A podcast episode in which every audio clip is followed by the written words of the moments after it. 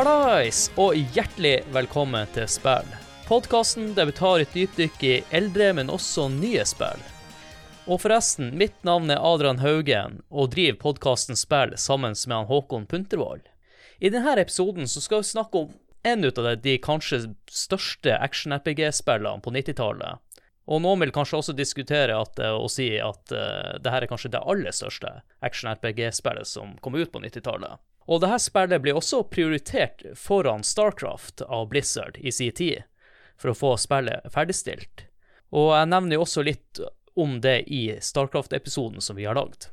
Men spillet jeg snakker om, er jo selvfølgelig det første spillet i Diablo-serien, som er Diablo. Og Håkon, velkommen til deg. Hei. Takk, takk. Hei, hei, hei, som jeg pleier å si. ja vel. Ja, Diablo, det, det er gøy. det er gøy, ja. Jeg regner med at du husker vel ikke så mye ut i, Eller husker så mye fra den tida når spillet kom ut? Nei, jeg har egentlig gleda meg litt, for at jeg tror jeg kommer til å vekke et annet minne for folk eh, når jeg snakker om dette spillet her. Fordi Diablo 2, det var, det var kanskje det jeg spilte mest. Uh, spilte litt Lord of Destruction, den expansion packen der på et LAN. Men det var i en CD-bunke med, med, en velkjent sånn gul logo med en sånn rød K på. Computer for alle. Der sto det da Diablo Demo. Så installerte jeg det på PC-en og merka det var en veldig nedgradert versjon av Diablo 2, så det var ikke en sånn høydere sånn sett, men det er da i hvert fall mitt første møte, og uh, ja, det, det, er vel egentlig det, holdt jeg på å si. ja, mitt første møte er jo jeg vil egentlig si at mitt første møte med spillet var å se den store eska. For på 90-tallet så kom jo alle PC-spill i sånne store esker, så jeg husker den eska. Ja. Mm. Og jeg hadde en kar i klassen som hadde det spillet. Og vi spilte bitte litt, men vi var jo bare bikka elleve år når det spillet kom ut. Sånn at ja. Uh, ja, hva jeg skal si Vi var kanskje litt for unge til å spille det her spillet. Jeg var og, i hvert fall for ung den dagen det kom ut. Det, ja. Jeg var jo født i 1990, så det Og så tenker vel kanskje de som hører på episoden, hvordan skal det her gå med to stykker som var så unge når spillet kom ut, og husker ikke så særlig mye fra det, og, og ikke spilte så mye heller. Men Håkon, da har vi jo henta inn gjester. Ja, vi kan ta oss gjøre det. Vi, vi pleier egentlig å introdusere én og én, men, men, jeg tenker vi må jo bare ta de sammen her. For de er jo kjent fra en gruppe som kaller seg for Axmen.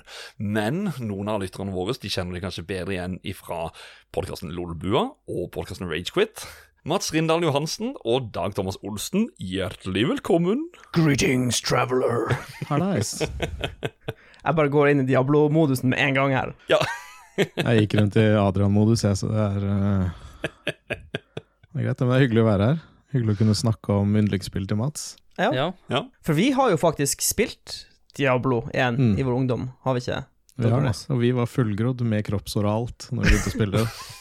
jeg, prøver, jeg prøvde å mimre tilbake om det var Var det siste året ungdomsskolen, eller var det første året videregående vi spilte det?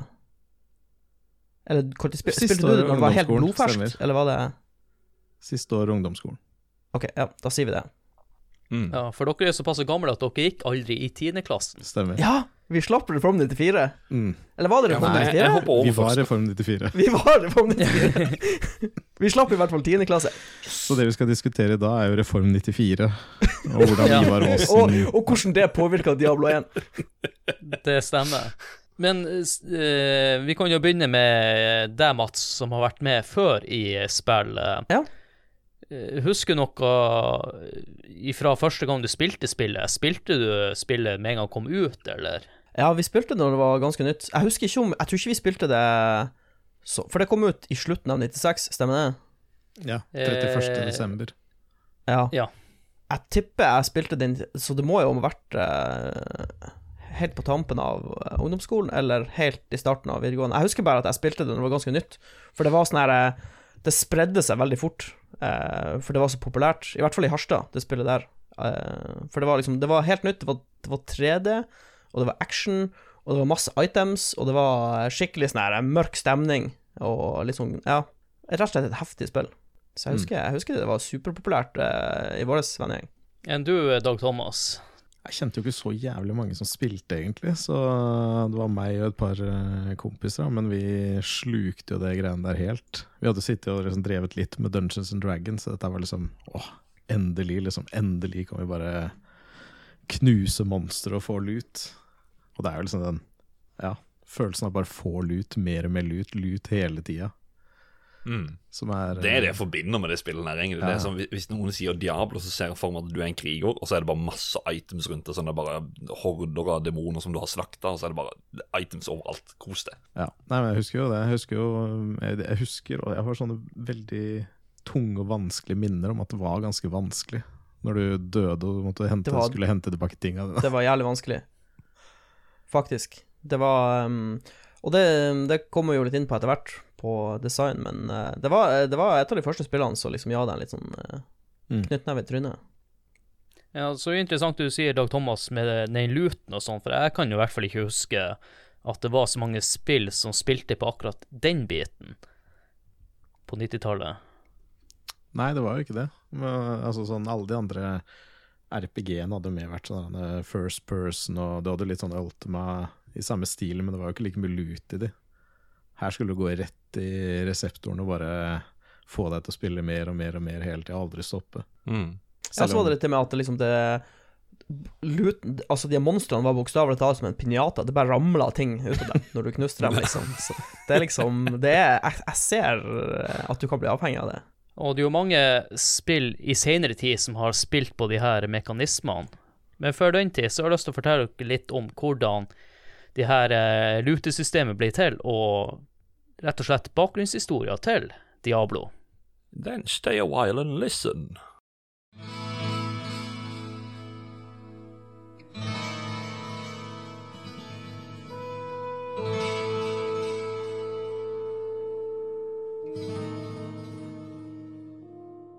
Historien til Diablo starter med to brødre og en nyutdanna programmerer.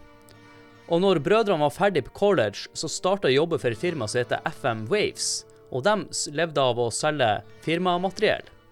Og tilfeldighetene skulle ha det sånn at FM Waves en dag ble kontakta av Atari.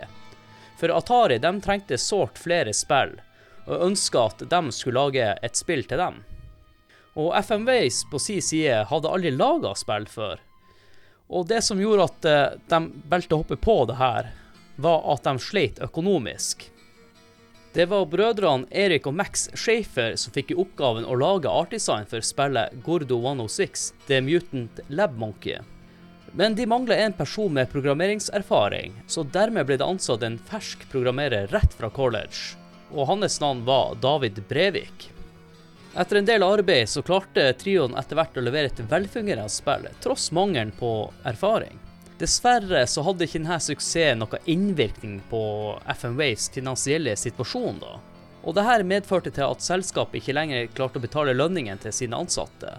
Og dermed valgte han Brevik å forlate selskapet. Det var sånn at han Dav Brevik han hadde alltid hatt et ønske om å lage spill. Og etter denne erfaringen med Gordo 106, så hadde han fått sansen for å lage dem. Og han klarte å lande en jobb i spillselskapet Iguana Entertainment. Og året etter valgte selskapet å flytte kontorsted, som Brevik sjøl var ikke særlig interessert i å være med på dette flyttelasset. Da han hadde jobba med Schaefer-brødrene, så hadde de sammen fantasert om å starte et eget spillselskap. Og nå tenkte han at tida endelig var inne å realisere de her drømmene, og tok kontakt med brødrene. De syntes at dette var et veldig bra forslag, og endte opp med å etablere selskapet Condor Inc. Og en dag mens de jobba med Sega-spillet Justice League Task Force, så presenterte han Breivik noe konseptskisse for et prosjekt han hadde jobba med på fritida. Prosjektet han viste fram, hadde han kalt for Diablo, og det her hadde han jobba med ganske lenge. Han hadde allerede begynt på dette prosjektet når han gikk på high school. Og navnet Diablo hadde han henta fra fjellkjeden, eller fjellet da, Mount Diablo. Og det her var vel eh, visst i nærheten av hvor han Brevik hadde vokst opp eller brukte å være på ferie. Brevik var veldig glad i RPG- og roguelike-sjangeren, og ideene til Diablo hadde han henta fra spillene Moria, Nettac, Engband og XCOM, for å nevne noen ut av dem. Fellesnevneren for mange av disse spillene var at de hadde randomgenererte levels og items. Og når det kom til XCOM, var han veldig begeistra for spillets isometriske view. Og det her var noe han hadde lyst til å implementere i Diablo. Når de endelig var ferdig med konseptet til Diablo, så var de nødt til å lete etter en publisher. Og det her skulle bli en veldig vanskelig affære, siden denne type spill var litt ute av vind for tida. Og de fleste publisherne hadde nå retta sitt fokus mot FPS-sjangeren når det kom til PC-spill. Så i januar 1995 deltok eh, Condor Inc. på ei spillmesse på søken etter en publisher. Og dessverre så var de igjen møtt med veldig dårlig respons fra samtlige av dem. Men det hadde seg sånn at de, det var et annet spillselskap der som jobba med SNES-versjonen av Justice League Task Force. Og dette selskapet var ingen ringere enn Blizzard Entertainment. Dette møtet var litt som kjærlighet ved første blikk. For både trioen og Blizzard fant raskt tonen. Og etter hvert så pitcha gjengen i Kondor ideen om Diablo. Og Blizzard på si side igjen var veldig interessert i å lage PC-spill. Og dermed endte de opp med å signere en kontrakt, og samarbeidet med de her to selskapene var et faktum. Når de endelig begynte å starte å jobbe med spillet, så var det noe av det første Brevik gjorde, var å reverse-ingeniere XCOM. Han ville finne ut hvordan det her isometriske gameplayet fungerte. Og han eh, Brevik satte opp spillet sånn at du kunne bevege deg i et rutenett med et turbasert combat-system, sånn som rogelike-spillene var på den tida. Blizzard på si side likte ikke dette systemet. De hadde ønska å innføre et realtime combat-system, noe de hadde god erfaring med fra Warcraft-spillene. Han Brevik og Schaefer-brødrene var imot dette forslaget igjen men de fikk ikke støtte fra resten av gjengen i Kondor. Etter denne nedslående nyheten for han Brevik, så måtte han starte litt på nytt. Og han satt oppe hele natta den dagen og testa ut ideer.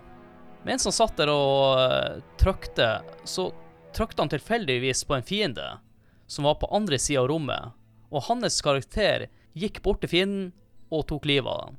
Da gikk det opp for han at denne tilfredsstillelsen med at kommandoer som aktiverte en handling med en gang, og dette tempoet måtte bli en av hovedelementene til Diablo. Et annet element var jo randomization. Han ønska ikke bare at mappet og layouten skulle være random, men også items. Dette ville gjøre det interessant for spilleren å utforske hvert map for et potensielt bra loot. Og et annet motiv for dette var at spillet skulle være gjenspillbart. Etter alle de her eh, endringene så begynte ting å løsne og falle på plass. Det var bare ei lita utfordring. Prosjektet var faktisk trua med å bli avslutta. Kondor de sleit økonomisk og hadde lite midler igjen til å finansiere prosjektet videre. Og tilfeldighetene hadde det jo sånn at samarbeidspartneren deres, Blizzard, hadde nå midler etter suksess med Warcraft-spillene. Og de hadde så stor tro på prosjektet at de i mars 1996 valgte å kjøpe opp Kondor. Og det nye navnet til Kondor var nå Blizzard North. Det var en liten tvist i denne avtalen. Blizzard de ønska at Diablo skulle inkludere online-spilling gjennom battle.net. Kondor, som nå var Blizzard North, likte ideen, men igjen det var jo bare seks måneder til spillet skulle bli utgitt. Utviklingsteamet besto bare av 15 personer, men pga. alle disse endringene og den crunch-perioden de hadde i vente, så måtte de ha tak i flere folk. Og en konsekvens av det her var at de folkene som skulle hjelpe dem nå, måtte sette et annet prosjekt på vent, som var Starcraft. Etter seks måneder nå med crunching, så var spillet klart for release. Og den 30. november 1996 blir Diablo utgitt i Nord-Amerika. Europa fikk spillet rett over nyttår. Det som er litt interessant her, er at de nordamerikanske datoene tror jeg egentlig ikke stemmer. For han David Brevik sa i 2016 at noen butikker begynte å selge spillet litt før 31.12.1996. Og spillet gikk ikke ut i full produksjon før 27.12. Det jeg tror egentlig som skjedde, er at noen har blanda datoene med demoen som ble utgitt i november 1996. Jeg må også nevne at i 1998 ble det utgitt en PlayStation-versjon porta av EA. men akkurat denne versjonen skal vi ikke fokusere på i denne episoden. Spillet høsta gode kritikker og solgte over 2,5 millioner eksemplarer. Jeg tipper også at det tallet er garantert mye høyere pga. Kopier og alt det der av spillet. Og jeg må også legge til at de hadde forventning om å selge rundt 500 000 kopier. Og de klarte nesten å selge ut det her antallet allerede før release pga. en enorm mengde med forhåndsbestillinger. Så da lurer jeg egentlig rett og slett på, var det noe her som var nytt for dere, eller er det noe dere har lyst til å nevne som ikke blir nevnt her? Jeg syns, um, jeg syns dette var uh, veldig bra oppsummert av uh, Nei, det var, det var, litt nytt. Um, jeg så en sånn her tilfeldigvis, uh, for å gjøre meg klar til episoden, så så jeg en video. Um, det var en sånn videoserie som heter War Stories fra Ars Technica, hvor de intervjua han David Brevik. og jeg var ikke klar over det at de møttes med at de begge utvikla hver sin versjon av det der Justice League-spillet. At Blizzard utvikla mm. Super Nintendo-versjonen, og og det som ble Blizzard, eller Condor, da, utvikla Genesis-versjonen, det syns jeg var litt sånn morsom tilfeldighet. Ja, det er morsomt mm. å nevne det, fordi at uh, jeg hørte på et intervju med han Brevik. Han sa jo at de visste ikke om uh, at, at, de hadde utvikla samme spillet heller. Det var ikke noen kommunikasjon der. Nei, og, ja, og, de, og, de, endte jo opp med å se ganske like ut, de to ja, versjonene. Ja, det er akkurat det. De er ganske ja, ja. like og, og virker som de hadde samme tankegang. Sånn at uh, den uh, sammenslåinga der etter hvert, det føltes jo ut som Ja, eller vi vet jo at det ble jo en, en suksesshistorie, da. Han har jo også sagt det at uh, hvis han skulle valgt en av de to versjonene, så ville han kanskje valgt uh, Super Nintendo-versjonen til uh, den andre gjengen. Er det den beste? Ja, det, han Brevik sa nå at han ville nok ha valgt det foran det de sjøl lagde, da. Ja. Men han, um, når du er inne på sånn de spill, de lagde jo også flere Kondor. Jeg lurer på om det var ikke NBA Jam, men det var sånn NFL-spill. Og han sa jo at når han var yngre Han var egentlig bare glad for å jobbe med spill. Han brydde seg ikke så mye om hvordan type spill han lagde, da. Men så kom jo den muligheten her med at uh, Blizzard-gjengen hadde allerede lagd uh, PC-spill, og de var jo mest interessert i å lage PC-spill, med tanke på deres bakgrunn, da. Ja. Mm. Ja, han, eh, de drev jo og spilte rollespill også, de guttene der. Eh, de spilte ja. jo Dungeons and Dragons og sånn. Og de, han sa jo sjøl at når de, når de, spilte Dungeons and Dragons, de brydde seg så mye om historier. De ville bare ha kule items, som Vorpal Swords og, og sånn. Så mm. når de satte seg ned og skulle lage Diablo, så var det bare items, items, items, loot. Det var liksom eh, en av de viktigste tingene når de skulle lage spillet. Mm. Det litt Eller det som jeg synes er kult, da Det er jo den, den tanken om at uh, ikke at bare map-layerten skulle være random, men også items. Og at uh, den gjenspillbarheten Det er jo ingen tvil på at uh, ja, Sett i mine øyne, da når det kommer til, til Diablo og sånt, så er det jo det som er mye av gjenspillbarheten, og absolutt en stor suksess på det. Ja, også det med at um når du dropper items, så uansett hvilken klasse du spiller, så kan du bare plukke opp det som dropper, og bruke det. Det er ikke noe begrensninger nei. at uh, 'Å nei, det droppa et sverd, og så spiller jeg cleric, så jeg kan ikke bruke det sverdet', fordi mm. Dungeons and Dragons sa det. Nei, jeg hadde jo en kamerat som begynte å spille Diablo 1 lenge etter at alle, eller vi andre, liksom elska det og spilte veldig mye, da, for han skjønte jo ikke at ting var random-generert. Han trodde at det var et spill som alle var helt lineært. Du går og liksom Fy faen, hva er de jævla våpna her? liksom, Kan ikke drepe noe med det her. Skjønte ikke at vi orka å spille det. Men jeg trodde liksom alle skjønte premisset at det var random-generert, men uh, det var det ikke alle som skjønte. Nei, jeg tror det egentlig ikke sånn Ja, nå var det jo Diablo 2 jeg begynte med, da, men jeg tror ikke jeg liksom ble fortalt i forkant at det var random-generert heller. Så jeg kan sikkert sjøl ha trodd en god stund at, eh, at dette er det som skjedde. og men jeg ser jo for meg at hvis han har kommet i skolegården dagen etterpå og sagt at du, jeg gikk jo ned den trappa der, og der møtte den og den fine Hva er det du snakker om for noe? Det er jo det er random alt sammen. Eh, når jeg skal eh, nevne noe ut av historien, det som er jo litt fascinerende, det er jo hvor mye avslag de egentlig fikk for den ideen, og muligheten at eh, de kunne fortsette med ideen til Brevik om Diablo, var jo rett og slett fordi de fant andre folk som var like glad i PC-gaming. Og hva hadde skjedd hvis Blizzard ikke hadde lagd det andre Justice, Justice League-spillet? Ja, de har aldri kryssa, kryssa veier. Da hadde ja. vi fått et turn-based claymation-spill som bare hadde vært jævlig dårlig. ja, men det kan, det kan hende de hadde feila totalt òg, uten, hjelpen fra Blizzard. At de aldri hadde klart å realisere prosjektet sitt pga. Ja, av ja. eh, forsinkelser. Og, så vi får Mm. bare være glad for at uh, skjebnen ville ha det sånn. Ja, øh, skal jeg ta dere inn i Eller ta, ta dere kjapt gjennom plottet? Eller, eller for, for- min del så syns jeg jo egentlig historien sånn i og for seg er, er litt tynn, øh, men, men du kan jo alltids øh, grave frem mer story. Men eh, vi befinner oss da i kongeriket Kanduras, hvor du som spiller du kommer til byen Tristram, som eh, nylig er blitt angrepet av en horder av demoner. Der får du da Eller der blir du da bedt av eh, byens befolkning om å hjelpe dem, før eh, Ja, alt blir slå, slaughtered and everything. Ga- ga- Ganske tynt. Ja, ja nei um, Jeg prøvde å tenke tilbake på, uh, på storyen uten å slå noe opp uh, på nettet og sånn, og dette er jo Dette er jo mange, mange, mange mange år siden. Og det eneste jeg ærlig talt husker, er at han Diablo er siste bossen, og så har du The Butcher som kommer ut av det der rommet og sier Mhm. Åh, fresh meat! Og så eh, Og så Ja, og så husker jeg den cutscenen på slutten. Spoiler alert for Mm. Diablo 1, når helten stapper den der soulstone Ja. inn i sin egen panne. Det er liksom Det er de tingene jeg husker Men det, hva mer trenger man egentlig å huske? Det er jo det, er jo det som er Diablo 1. Jeg husker Ja. andre ting. Ja. Jeg, husker en svær jævla sprekk i byen, ned til helvete. Ja, det ble sånn sprekk i Ja, gresset. stemmer. Og så Ja. husker jeg Wurt. Og jeg husker han snakka om at noen av dere klora spiste opp beinet sitt med å komme seg ut. Jeg syns det var skikkelig guffent. Ja. Og det er sånn i hovedsak det med noen andre trekk. Ja, ja, for det er, jo, det er jo det som er med altså, de townsfolkene, eller de folka som er igjen i Tristram. Du kan jo snakke med hver enkelt, og, og de forteller ja, eh, små forskjellige, eller de, forskjellige hendelser, ting de har opplevd sjøl, eller om det andre som har forsvunnet, eller Mm. ja. Ja og, så, og, og så er det jo litt kort, spillet.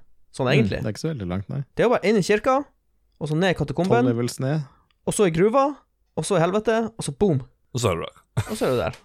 Men det er så mye å gjøre, eller så mye å kose seg med i det spillet òg, da. Ja. Men den litt dypere historien er jo at eh, King Leoric da erklærte krig på Westmarch. Mm. Er, er Westmarch nabofylket til Kanduras? Det er nabofylket. Ja. Så Aidan, han helten, han tok jo opp eh, sverdet sitt. Han pløya gjennom og kom hjem for det tapende laget. Ja, for det er det spillet begynner med. Ja.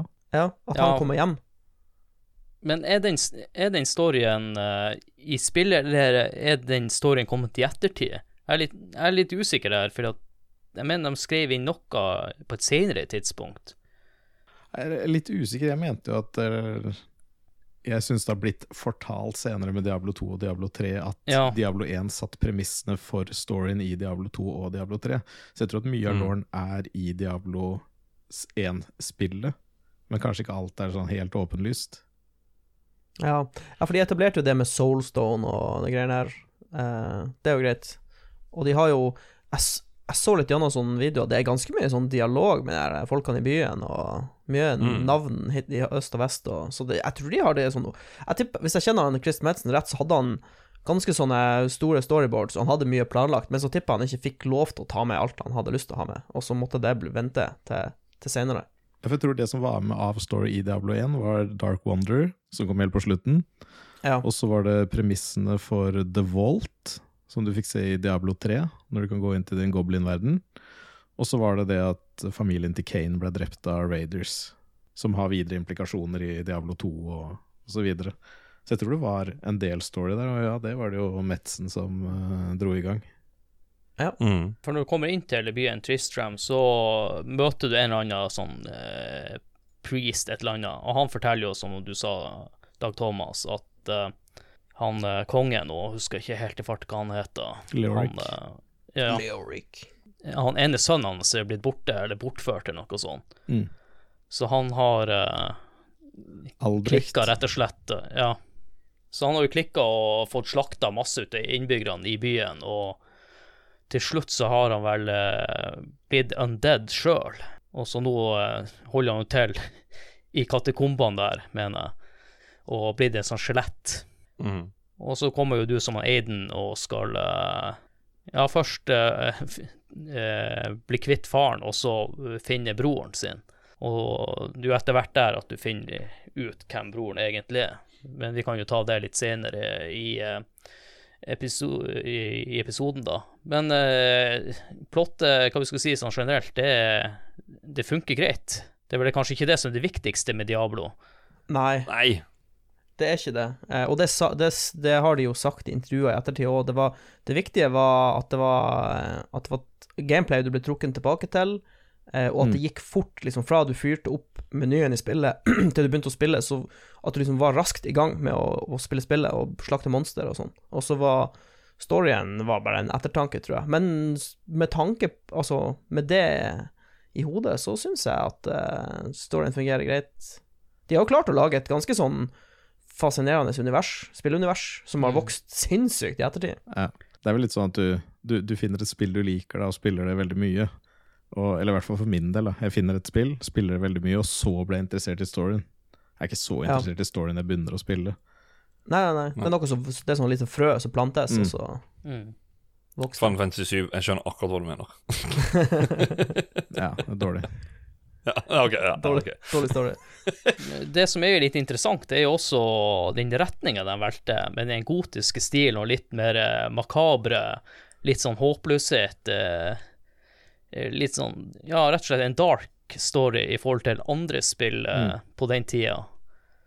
Og det Ja. var ikke i nærheten av det, det Warcraft var, som Blizzard hadde produsert før. Det her var jo noe helt annerledes. Ja, og det, det nevnte jeg jo ikke litt sånn introduksjonsvis, eller, det er bare siden det er Warcraft da, når du nevner det. Jeg spilte jo masse Warcraft 2 når jeg var yngre, og hadde nok sikkert hørt om Diablo via, via det også, men det er nok den gotiske stilen. Men jeg var, jeg var, jeg var vant med Oracle Humans. Det var liksom det som var fet, da. Syns det er så tøft valg, for all del.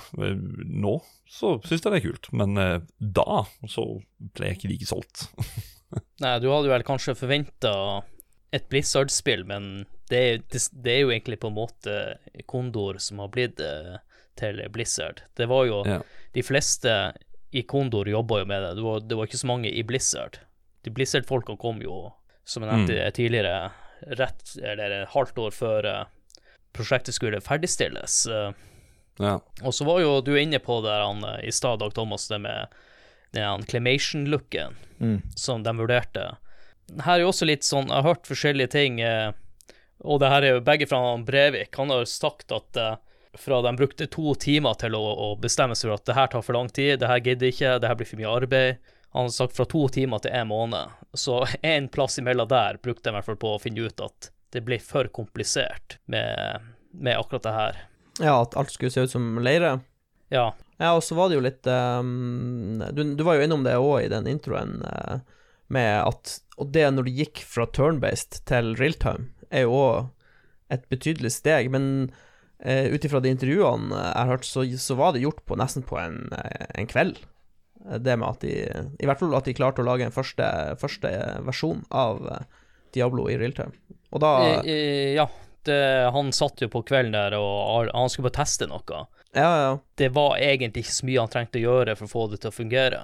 Men uh, når det kommer til uh, artdesign også, så må jeg jo nevne at han, uh, han Eric Shafer, som er en av de to brødrene, eh, han er jo en artdesigner. Han har henta mye inspirasjon sin fra italienske zombiefilmer, faktisk. Eh, og så har han, var han jo besøkte masse kirker og katakomber og slott for å hente inspirasjon til spillet. Det er researchen sin.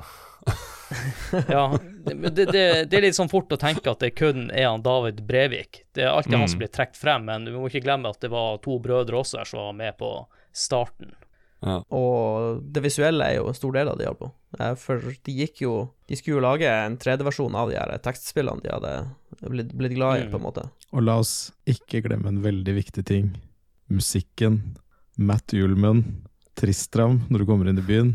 Det klimprer. Å ja, fy fader, det der Det tror jeg er det som bare sugde meg inn i det spillet der. ja, men altså sånn, jeg, jeg er liksom, det, er, det er ganske mye spillmusikk dere som syns er Ja, dette var kult og sånn, men jeg tror det er få andre låter jeg faktisk har satt på anlegget mitt utafor spill enn faktisk Tristram-sangen. Ja, det er, det er en ganske sånn unik sound, og den Mm. har jo Ja, det, de hadde ikke det, det hadde vært et mye tynnere spill uten det. Men jeg tror også låta kan eh, forklares eh, på en måte hvorfor den er bra også, for han eh, Matt Hjulman han er jo en sånn gitarist, så han får jo brukt de egenskapene som han er best til, og det er jo Mm. plinge på gitaren. Mm. Ja. Klimp, klimpre litt. Ja, og uh, musikken vil også si setter ei sånn stemning for spillet som kanskje ikke var vanlig for sånne spill på den tida. I hvert fall ja, i RPG-sammenheng, da, Mm. som jeg hadde hørt. Jeg vet ikke med dere som er litt eldre, dere, eh, jeg har ikke kontroll på hva dere spilte på den tida, så Ja, det var jo ehm, På de her ehm, RPG-spillene som var før Diablo, så var det jo mye sånn midi-musikk og Ja, litt annerledes musikk, kan vi kanskje si. Ja. Dette var litt mer På- voksent, På samme tida så ble jo eh, Quake og sånn gitt ut. Der var det mye sånn Nine Inch Nails og ja. Fallout hadde vel ikke så veldig mye musikk, så det var en del sånn Grand Theft Auto hadde vel bare eh, rapping og litt forskjellig, så Ja. Nei, altså, igjen da, den der at det, det var et Blizzard-spill, så er jo igjen, for å trekke frem Warcraft, så var jeg jo til Orc Theme 010203 og Human Theme 010203 og whatsoever. Dritbra musikk. Mm. Episk. Her er det jo veldig mye sånn med å sette stemninga for Ja, du går ned i uh, labyrinter og skal snashe demons og Ja, ha litt sånn den gode sounden, da. Men det er jo veldig viktig med den sounden som er der, for å få den der uh, stemninga, og så eh, de lydene bare. Det med at du bare Mm. plukker opp penger, den tunge lyden når du tar av deg et skjold eller ei rustning, og Mm. setter på eh, karakteren, og eh, jeg regner med at i hvert fall for eh, både deg, Mats, og Dag Thomas, at eh, dere trengte egentlig, egentlig ikke å se på itemene etter hvert, dere bare hørte på lyden hva det var for noe. Ja, ja, de hadde hver sin Ja. unike, unike lyd. Men jeg tror de jeg, jeg, klarer ikke å huske det, men jeg tror ikke det var noe sånn unik lyd. eh. Nei, det er jeg For- usikker på. Jeg husker ikke helt hvordan lyden var i det hele tatt. Ja, jeg, prøv, jeg prøver å huske på, fordi etter hvert så kom det jo I hvert fall i Diablo så kom det jo en sånn De, de spilte av en spesiell lyd hvis det var noe heftig som droppa, men jeg tror ikke det var det i Diablo 1. Men jeg tør, det tør jeg faktisk ikke si. Men uansett så eh, En annen ting òg som vi burde kanskje nevne siden vi har snakka litt om musikken, er at det var jo ganske Ganske sånn nifs stemning i starten, i hvert fall, eh, når du gikk ned i inn i kirka, liksom. Ja, det var ganske kirka, mørkt. ja. Ganske sånn Mm. Ja. De, eh, de var flinke på stemning, rett og slett. Mm. Mm. Ja, det var litt sånn uh, småcreepy spill, og jeg tror uansett ikke jeg hadde spilt i noe særlig da jeg var liten. Jeg er jo en sånn kar som liker å se på skrekkspill og sånne ting, men jeg er ikke så særlig glad i å spille skumle spill sjøl. Nei, det oppdaga vi i stream. Ja. Håkon, spill seg en til. Ja da, det er greit. eh, Yes. Men, men jeg tror også eh, det som var tilfredsstillende Altså, jeg tror hele lydbildet i Diablo 1 var såpass bra. Det var jo ikke bare det at du kasta items og kom som flakselyd Mm. og landa på bakken. Ja, sånn, ja, det var det også det blodspretten og gurglinga til Ja. monstre når de døde. Det var liksom så mye, da. Ja, og så var det um, De var flinke på å lage Jeg husker mange av monstrene, eksempel de her um, Mot slutten av spillet så slåss du med noen sånne superriddere som har på Mm. seg sånne jævlig spooky plater med masse Ja. pigger og sånn. Og når du moser dem, så kommer det sånn flammer ut av dem, og så kollapser dem sammen. Mm, ja, riktig. De var bare flinke å lage sånne tilfredsstillende Mm. eh, dødssekvenser og Ja. Det var bare Ja, jævlig bra jobba, rett og slett. Mm.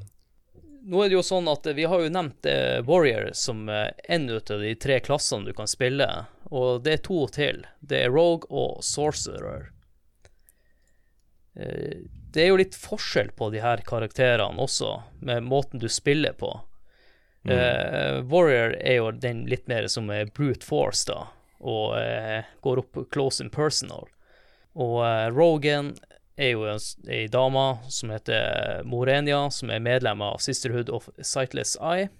Og hun er jo god å skyte med pil og bue og krige på avstand. Og til slutt så har du en sorc- sorcerer, eller en, magiker, da, som, uh, som heter Yas, Yasri, eller noe sånt.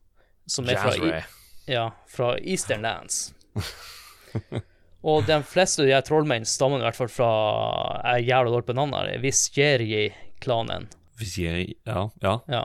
Og hans mission er jo å dra dit til Tristram og studere demonene og prøve å få tak i ny kunnskap om magi som de ikke har sett før. Så han Og- egentlig gjør, det bare dropper hele Tristram, og så bare Jeg skal bare lære magi. Drit i dere. Ja, ja Hyggelig. så, så det, er- det er jo hans mission. Men uh, Trollmann, det er jo også en litt mer uh, sånn som slåss på avstand, da.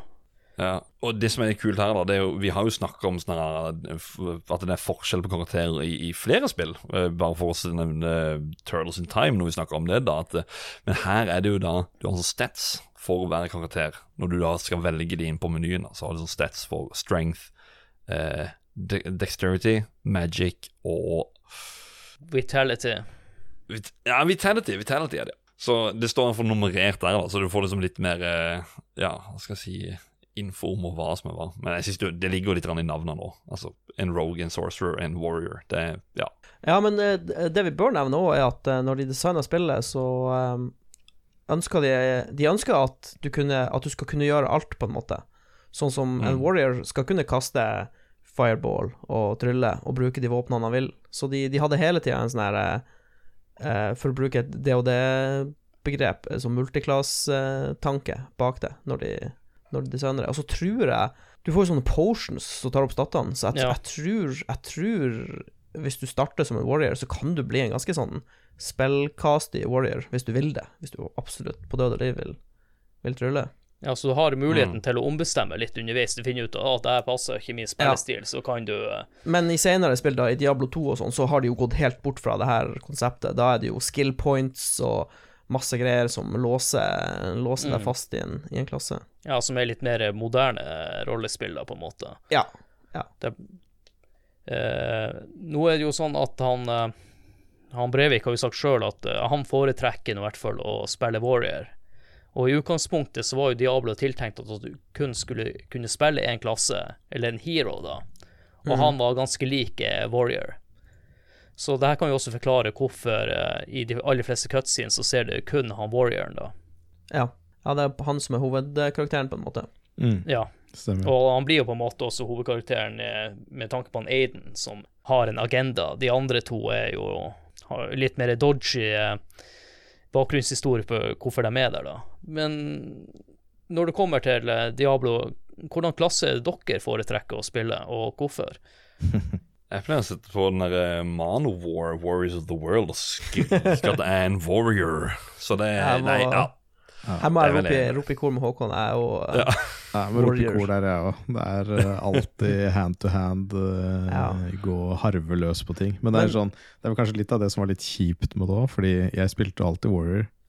Men jeg tror det er sånn at Sorcerer er lettest i Diablo. Ja, altså A Warrior i Diablo 1 er helt forferdelig, Mm. fordi det er så mange fiender som har range attacks.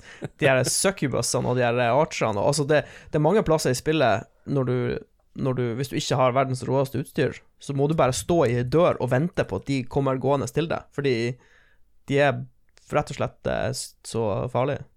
Og den andre tingen at det er ikke noe run i spillet, det er bare walk, så du går Ja, akkurat ja. like fort Ja. som monstrene. Så hvis Ja. du er warrior, så kommer du liksom ikke unna.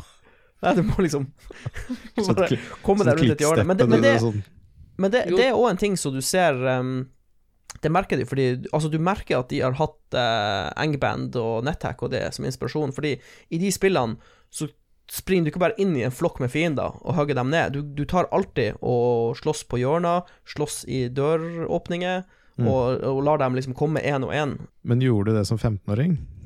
Nei, jeg døde, døde hele tida. Jeg har gjort det som 31-åring. Jeg har eh, stått og passet på det. Jeg er på innsida av døra og bare sånn Kom inn. Én og én og én. Kom igjen. Jeg gidder ikke ta Jeg gidder ikke stå her ute. Dere kommer til å omringe meg, og jeg kommer til å dø. Og, Men du, du ble, ja, og det å dø i spillet, det, det er nevnt tidligere. Du ble tvungen til å utvikle eh, sånne strategier hvis du skulle klare å drepe en Diablo. Du måtte, du måtte gjøre det. Ja. Eller så måtte du være heldig og finne noe bra lut. Men eh, hvordan fungerte det med den levelinga? Er det lett å levele i spillet og bli sterkere, eller krever det mye grinding? Eh, det er lett, men du må passe på at du ikke gjør feil. At du setter statene på rett plass. Alltid strength, liksom. Ikke noe vitality. Du bare slår Ja. drithardt og tåler ingenting. Jeg tror kanskje det er den fella jeg gikk i. Oh, ja. Litt som glasskanon. Jeg har aldri likt å sette noe i vitality i noe spill, så det er uh... Ja, og jeg kom på en ting vi glemte å nevne i sted òg, faktisk. Det med karakterer. Eh, fordi uh, når du uh, når du lager karakterer i Diablo 1, så er det jo bare Du velger jo bare hvilken klasse du vil være, Altså, boom, Mm. er du i gang. Fordi i andre RPG-er på den tida, så var det jo en sånn superkomplisert prosess å lage en Mm. karakter. Du måtte sette ut statpoeng, måtte velge background story, måtte svare på noe sånn her, en liten sånn spørsmålsrunde for å finne ut hvilken type karakter du var. Så det var jo en ting som var veldig lett. Du kom veldig lett inn i spillet, du bare valgte hvem du ville være, så var det tut og kjør. Eh, Mm. Det jeg ikke har nevnt, eh, som jeg kunne ha nevnt tidligere i, når jeg snakker om eh, utvikling av spillet, var at når de holdt på å lage det, så stilte de alltid spørsmålet De hadde som mål at eh, mora deres skulle kunne spille Diablo uten problemer, og, og, og skjønne det, rett og slett. Ja. Ja. Det var viktig for dem at det skulle kunne treffe alle, og at det Så spørsmålet var alltid var Skjønte vi det her? Får vi til? Så de stilte spørsmål om alt de gjorde, og det er jo en av fordelene med å spille her, at det er jo et enkelt sånn uh, brukergrensesnitt da, i forhold til andre i hvert fall sånne typer RPG på den tida, som du nevnte, Mats. Den var ganske mm. tung, mange ut av det her, i forhold til det her. Ja. ja også det med, det med at de gikk bort fra turn-based, var nok òg det smarteste de gjorde under hele Mm. utviklinga. Ja. Ja, hadde det hadde vært, hadde vært turn-based? Jeg, jeg vet ikke. De hadde hatt et, et mye mindre publikum, kan vi trygt si. ja, uten tvil. Men vi har jo nevnt litt om fightinga, og, og hvordan synes du uh, vi fighting-systemet funker i det spillet her? Er den til, tilfredsstillende? Uh, er, er den lett, eller er den clunky og vanskelig og Fight, Fighting-systemet er lett, uh, og jeg tror det fungerer i dag også, men jeg tror det er ganske kjedelig å spille Warrior og gå rundt og bare slå Mm. Ett og ett monster. Så da tror jeg det er litt kulere å spille Sorcerer eller Eller ja, eller spills tror jeg er morsommere å spille, med sånn uh, den der flammeveggen og det der lyn, lynspillet og Ja. Mm. Men uh, Sorcerer Faen, jeg, jeg, jeg sliter med å si navnet, så jeg, jeg sier Sorcerer! Magiker.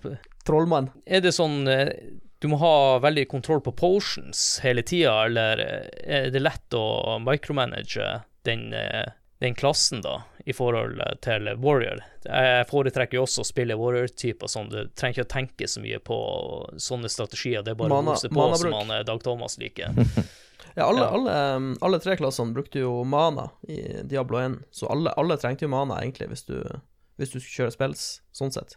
Men eh, ja, det var, det var liksom det, Hvis du sammenligner det med Diablo 2 og Diablo 3 og nyere Diablo-spill, så, så er nok Diablo 1 litt clunky, vil jeg si. Men, eh, men jeg tror det kan fungere absolutt eh, i dag. Den dag i dag. Det må jo nesten han eh, Håkon svare på, som har spilt det i moderne tid. Jeg syns det, det, det funker. Jeg har jo testa det nå i nyere tid via versjonen som du kan kjøpe på GOG. Og eh, eh, ja, det funker. Men det er åpenbart at eh, det er et det er et gammelt spill, og du Ja, det har ikke eldres så, så godt på det kampsystemet. Det er blitt bedre med, med de nyere spillene, selvfølgelig. Ja, jeg tror de, jeg tror de, um, jeg tror de lærte mye uh, på Diablo 1. Det var på en måte det første steget på trappa opp til perfeksjon, som er, er Diablo 2. Ja, en så kan var si jo, alt starter et sted, og det, Ja. det var her det starta. Så ja. og kampsystemet ja, starter jo med litt uhell også, på en måte. Eller uhell hell i, i Nei, uhell i hell i hell, eller hva det var. ordtak. Hell i uhell. Ja, hell i Uhell. Hell i uhell. Sånn at, eh, ja. Det er jo litt sånn i starten. Det er mye hiccups som de klarer å finjustere etter hvert. Eh, Ja. Det er jo en annen ting som vi også har nevnt litt, uh, tenkte vi skulle kanskje gå litt dypere inn på det. Det er jo Lutny som er hovedmekanismen i spillet, vil jeg si. Det som, ja. det som trigger deg til å utforske eh, levelene og Ja, det er jo um, det, er jo det som Det som har lyst til å trekke deg videre Det som gjør at du har lyst til å drepe monster etter monster etter monster, det er å få bedre ting, så du kan equippe på karakteren din. Og eh, Mm. de sa- Han sammenligna det jo med et sånn uh, En sånn uh, Hva heter den maskinen du drar i den der uh, armen, så kommer det tre sånne, tre sånne hjul som snurrer og stopper opp? slåttmaskin. En slåttmaskin. Takk. Ja, enarma banditt. Ja. ja. Ikke sant? Så eh, hver, hver gang du dreper et monster, så drar du i spaken. Og så, Mm. eh, er du, hvis du er heldig, så spretter du ut eh, et supersaftig item. Plutselig fikk du jackpoten. Ja, rett og slett. ja. Ja. Var var det bygd opp sånn at uh, du kunne, uansett hvor det var henne, å få de beste våpnene, eller var det en sånn naturlig progresjon på det? Nei, du, jeg tror um, Jeg tror ikke du kunne få de feteste våpnene før du var ganske eh, høyt oppe i levelet, for du måtte jo kunne bruke det, på en måte. Jeg prøver nå å huske om det var level requirements på de eh, Ja, nei, jeg er faktisk litt usikker, for at eh, i Diablo 2 så fikk kun I Diablo 2 så fikk du vel kunne få uniques på tidlig level, men så ble de bedre og bedre jo høyere level du var, var det ikke sånn? Ja. Husker ikke helt ennå. Jo, det var requirements på, på stats, tror jeg. Ja, ok. På Ja. itemsa. Men du Ja, kunne få, ende opp med å få en av de beste våpnene ganske tidlig, og så måtte du bare ha det i inventoryen din og og bære på det. Jeg tenker, at det, er- Vet dere om det er noen mulighet for å breake det loot-systemet der? At det bare sånn Oi, nå fikk du det som en av de bedre lootsene med en Det, gang. det, det, det jeg husker veldig godt, eh, det var at eh, det var jeg og en kompis som eh, spilte Diablo 1 ganske heftig. Eh, og han fikk eh, et tohåndssverd som heter The Grizzly. Eh, han fikk det legit. Det droppa for han. Og så fant vi ut at det går faktisk an å dupe items i, eh, i Diablo 1. Så jeg, jeg hadde så jævlig lyst på The Grizzly. Uh, så det vi gjorde, var at vi Og jeg, jeg husker den dag i dag hvordan du duper items i Diablo 1. Yeah. Uh, eller ikke, jeg husker sånn 90% Det, var, det involverte at du måtte uh, Du måtte legge ned en gullpenge på bakken, og så gikk du bort fra gullpengen, og så trykte du på gullpengen, så begynner karakteren din å gå mot gullpengen for å plukke den opp, ikke sant? Mm. Og akkurat idet du er fremme med gullpengen og skal plukke den opp, så dropper du det itemet du skal dupe. Og da, av og til, så plutselig datt det ned to versjoner av det itemet på bakken. Så jeg husker vi dupa The Grizzly, sånn at jeg òg fikk, eh, fikk det fete, fete sverdet. Det, Og jeg, lik, jeg, jeg liker bare måten du fortalte det på, for det er vel egentlig ganske sånn min bror også fortalte det tidligere, da når jeg sa at vi skulle snakke om Diablo 1. Og han bare Å, duplicate items. Det var, det var noe av det første som slo han. Men det, det som var så synd, var at det spredde seg jo som ild i tørt gress, så plutselig hadde jo alle The Grizzly og fete items. Så det, det, ja, det, var, det var kult i starten, men vi, jeg tror vi ødela litt for oss sjøl. Var ikke kongen i skolegården da. Det var, Ja. var the moment, og så, og så var det duplicate. Vi koste oss mens det varte. Det blir jo for- fort som et spill hvis du har de beste itemene ganske tidlig og kun spiller med hele tida, så blir spillet litt kjedelig. Det blir ikke utfordrende på samme måte. Nei. Eh, en annen ting vi heller ikke har nevnt, det er jo Du har jo sånn inventory-system, så du er nødt til å uh, drive på med litt management der òg. Og det var ikke sånn at du kunne bare grabbe items, og så fortsatte du å kunne gå og samle mer. Du måtte jo faktisk opp til vendors og selge det der. Stemmer det? Du hadde gull i inventory nå som tok plass. Ja, ja. Ja, gu- ja stemmer det. Posts og gull og alt mulig. Pengene tok faktisk plass. Og Porschene forsvant når du drakk dem opp, gjorde de ikke? Jo, Ja. du hadde, også hadde jo. vel ikke noe sånn belte med mange heller, du hadde med inventoryen. Ja. Ja, Så jeg tror, jeg tror Vi må ikke glemme alle de Quality of Life-tingene som de, Ja, det de lærte av. Der var det også irriterende med Når jeg testa det nå, eh, nå sist, så, så var det sånn at eh, jeg fikk et eh, Ja, hvor mange slots altså, så Det er jo det Inventoryen er et sånn rutebasert system. Da, så at det, det, det sverdet det kan ta seks ruter. Stemmer det. Den pinnen kan ta tre. Så ting blir jo ikke flytta på automatisk. Nei, Sånn hvis du at, legger et item oppå et annet, så blir ikke det dytta bort. Nei, nei, og så er det sånn at hvis du har Si at du har masse mellomrom, da. Du må, du må rydde i inventory på det Ja, spillet. ja Sånn det er loot, loot Tetris, kalles det. Ja, ja sånn at, Ja. at hvis, hvis ikke du har rydda ordentlig, så kan det hende at du ikke får med deg den itemen. Og det Ja, så du Det må være ryddig og greit. Ja, men jeg tror, det er noen, jeg tror det er noen som irriterer seg, så tror jeg noen som faktisk syns det er kult å måtte liksom ha det ryddig i inventoryen. Har du OCD, så er det spillet Ja. for deg. Det, det, eneste jeg, det eneste jeg skulle ønske de hadde, var eh, En ting som er veldig fantastisk når du har sånn eh, type Diablo-inventory, er å kunne rotere itemene. Mm. Ja. Ja. At du kan flippe Mm. på dem. Så det, det kan du ikke gjøre i Diablo 1, og det, ja, det er minus. Eller kan du det? Nei, du kan ikke det. Nei. Jeg er sånn 99 Nei. sikker på at du ikke kan gjøre det. Da blir jeg sur hvis dere kan det. Ja. 99,9% sikker på at du ikke kan gjøre det. Men, men det som er litt kjipt uansett, at eh, du kan ikke bare warpe ut og selge med en gang. I hvert fall i starten så er du nødt til å faktisk gå tilbake, og da kan du risikere å daue, og da mister jo du alt. Ja, at du liksom eh, på spaserturen tilbake opp fra, eh, opp fra katakomben, så må du Ja. gjennom katedralen, og så må du Ja. Men på et sent tidspunkt så får du jo sånn teleporteringsmuligheter, men i starten så må du jo gå et uh, lite stykke gjennom Du du får sånn scroller til Town Portal. ja. Og du kan ikke springe, du må gå. Ja, Ja. jeg vet ikke om jeg nevnte i stad også at eh, du har bare én fa en fart å gå i. Og det var jo, når jeg prøvde meg på WoW Classic, det var noe som irriterte meg, var jo at den, de karakterene bare gikk i ett tempo. Og det er utrolig frustrerende, i hvert fall når du er klar over at eh, Eller blitt bortskjemt med en springe, eh, springeknapp, da. Mm. Ja, det, det blir litt uh, tregt, det kan vi trygt Ja. si. Og da får du situasjoner som Dag Thomas nevnte der, med at du har en fiende etter deg, og du, du klarer ikke å springe ifra det i det hele tatt, dere har samme tempo, og alt det, så tar han deg igjen. Men noen av de fiendene tar jo sånn der en liten pause av og til, så av og til så klarer du å få litt avstand ifra. En fun fact med hastigheten. For du kan jo gå i uh, Å, Herman, hvor mange vinkler er det? Åtte? Jo, åtte, åtte, åtte forskjellige Åtte vinkler. Ja, Men hvis du går til høyre eller venstre, bare rett høyre, rett venstre, så, så er det litt kjappere. Det er slightly more speed. Er det mer Så, speed, eh, eller er det det at du lockstepper fienden så de må tenke så de får større avstand fra deg? Nei, jeg følte på at jeg gikk kjappere òg, Det, egentlig, eh, oppe det lurer i jeg på om byen. Vet du hva? Det tror jeg, jeg lurer på om det har noe med roguelikes å gjøre. Fordi i roguelikes så bruker du flere tidsenheter på å gå diagonalt enn å gå eh, nord, sør, øst, vest. Faktisk. Ja, Kanskje det er noe som henger igjen. For jeg kan si det sånn, han The Butcher Han fikk ikke tak i meg, for å si det sånn. Jeg løp bare rett til venstre eller rett til Også, høyre. men men det, det er jo som Dag Thomas sier òg, noen, noen ganger når monstrene eh, skal angripe deg, så går de jo bort, og så stopper de opp for å gjøre Ja. angrepsanimasjon, og da kan du bare du springe av gårde videre. Mm. Så er du plutselig ute av melee range. Ja. eh, jeg nevnte jo tidligere eh, det at jeg ville implementere battle.net i Diablo. Og det bruktes jo til å spille multiplayer over netta. Eh, var det noen av dere som testa multiplayer-delen i Diablo? Vet Det- ikke om det, det- om det gikk an å spille lokalt òg. Ja, du kunne spille lokalt, men det, det jeg febrilsk prøver å huske på nå, var hvis du skulle spille på de høyere vanskelighetsgradene, måtte du da spille multiplayer? Eller kunne du gjøre det singleplayer? Jo, Eller var singleplayer sånn at du var ferdig når du hadde drept Diablo? Stemmer det. Ja. Det var Det noe sånn i Skulle så Diablo 1. livsfarlig livsfallet gå ut av Ja. byen, for da sto noen og venta der. Ja, og så husker jeg det var Altså, nå duper vi items, jeg skal ikke skrike så jævlig høyt, men det var null problem å jukse på Battlenet i Diablo 1, for å si det sånn.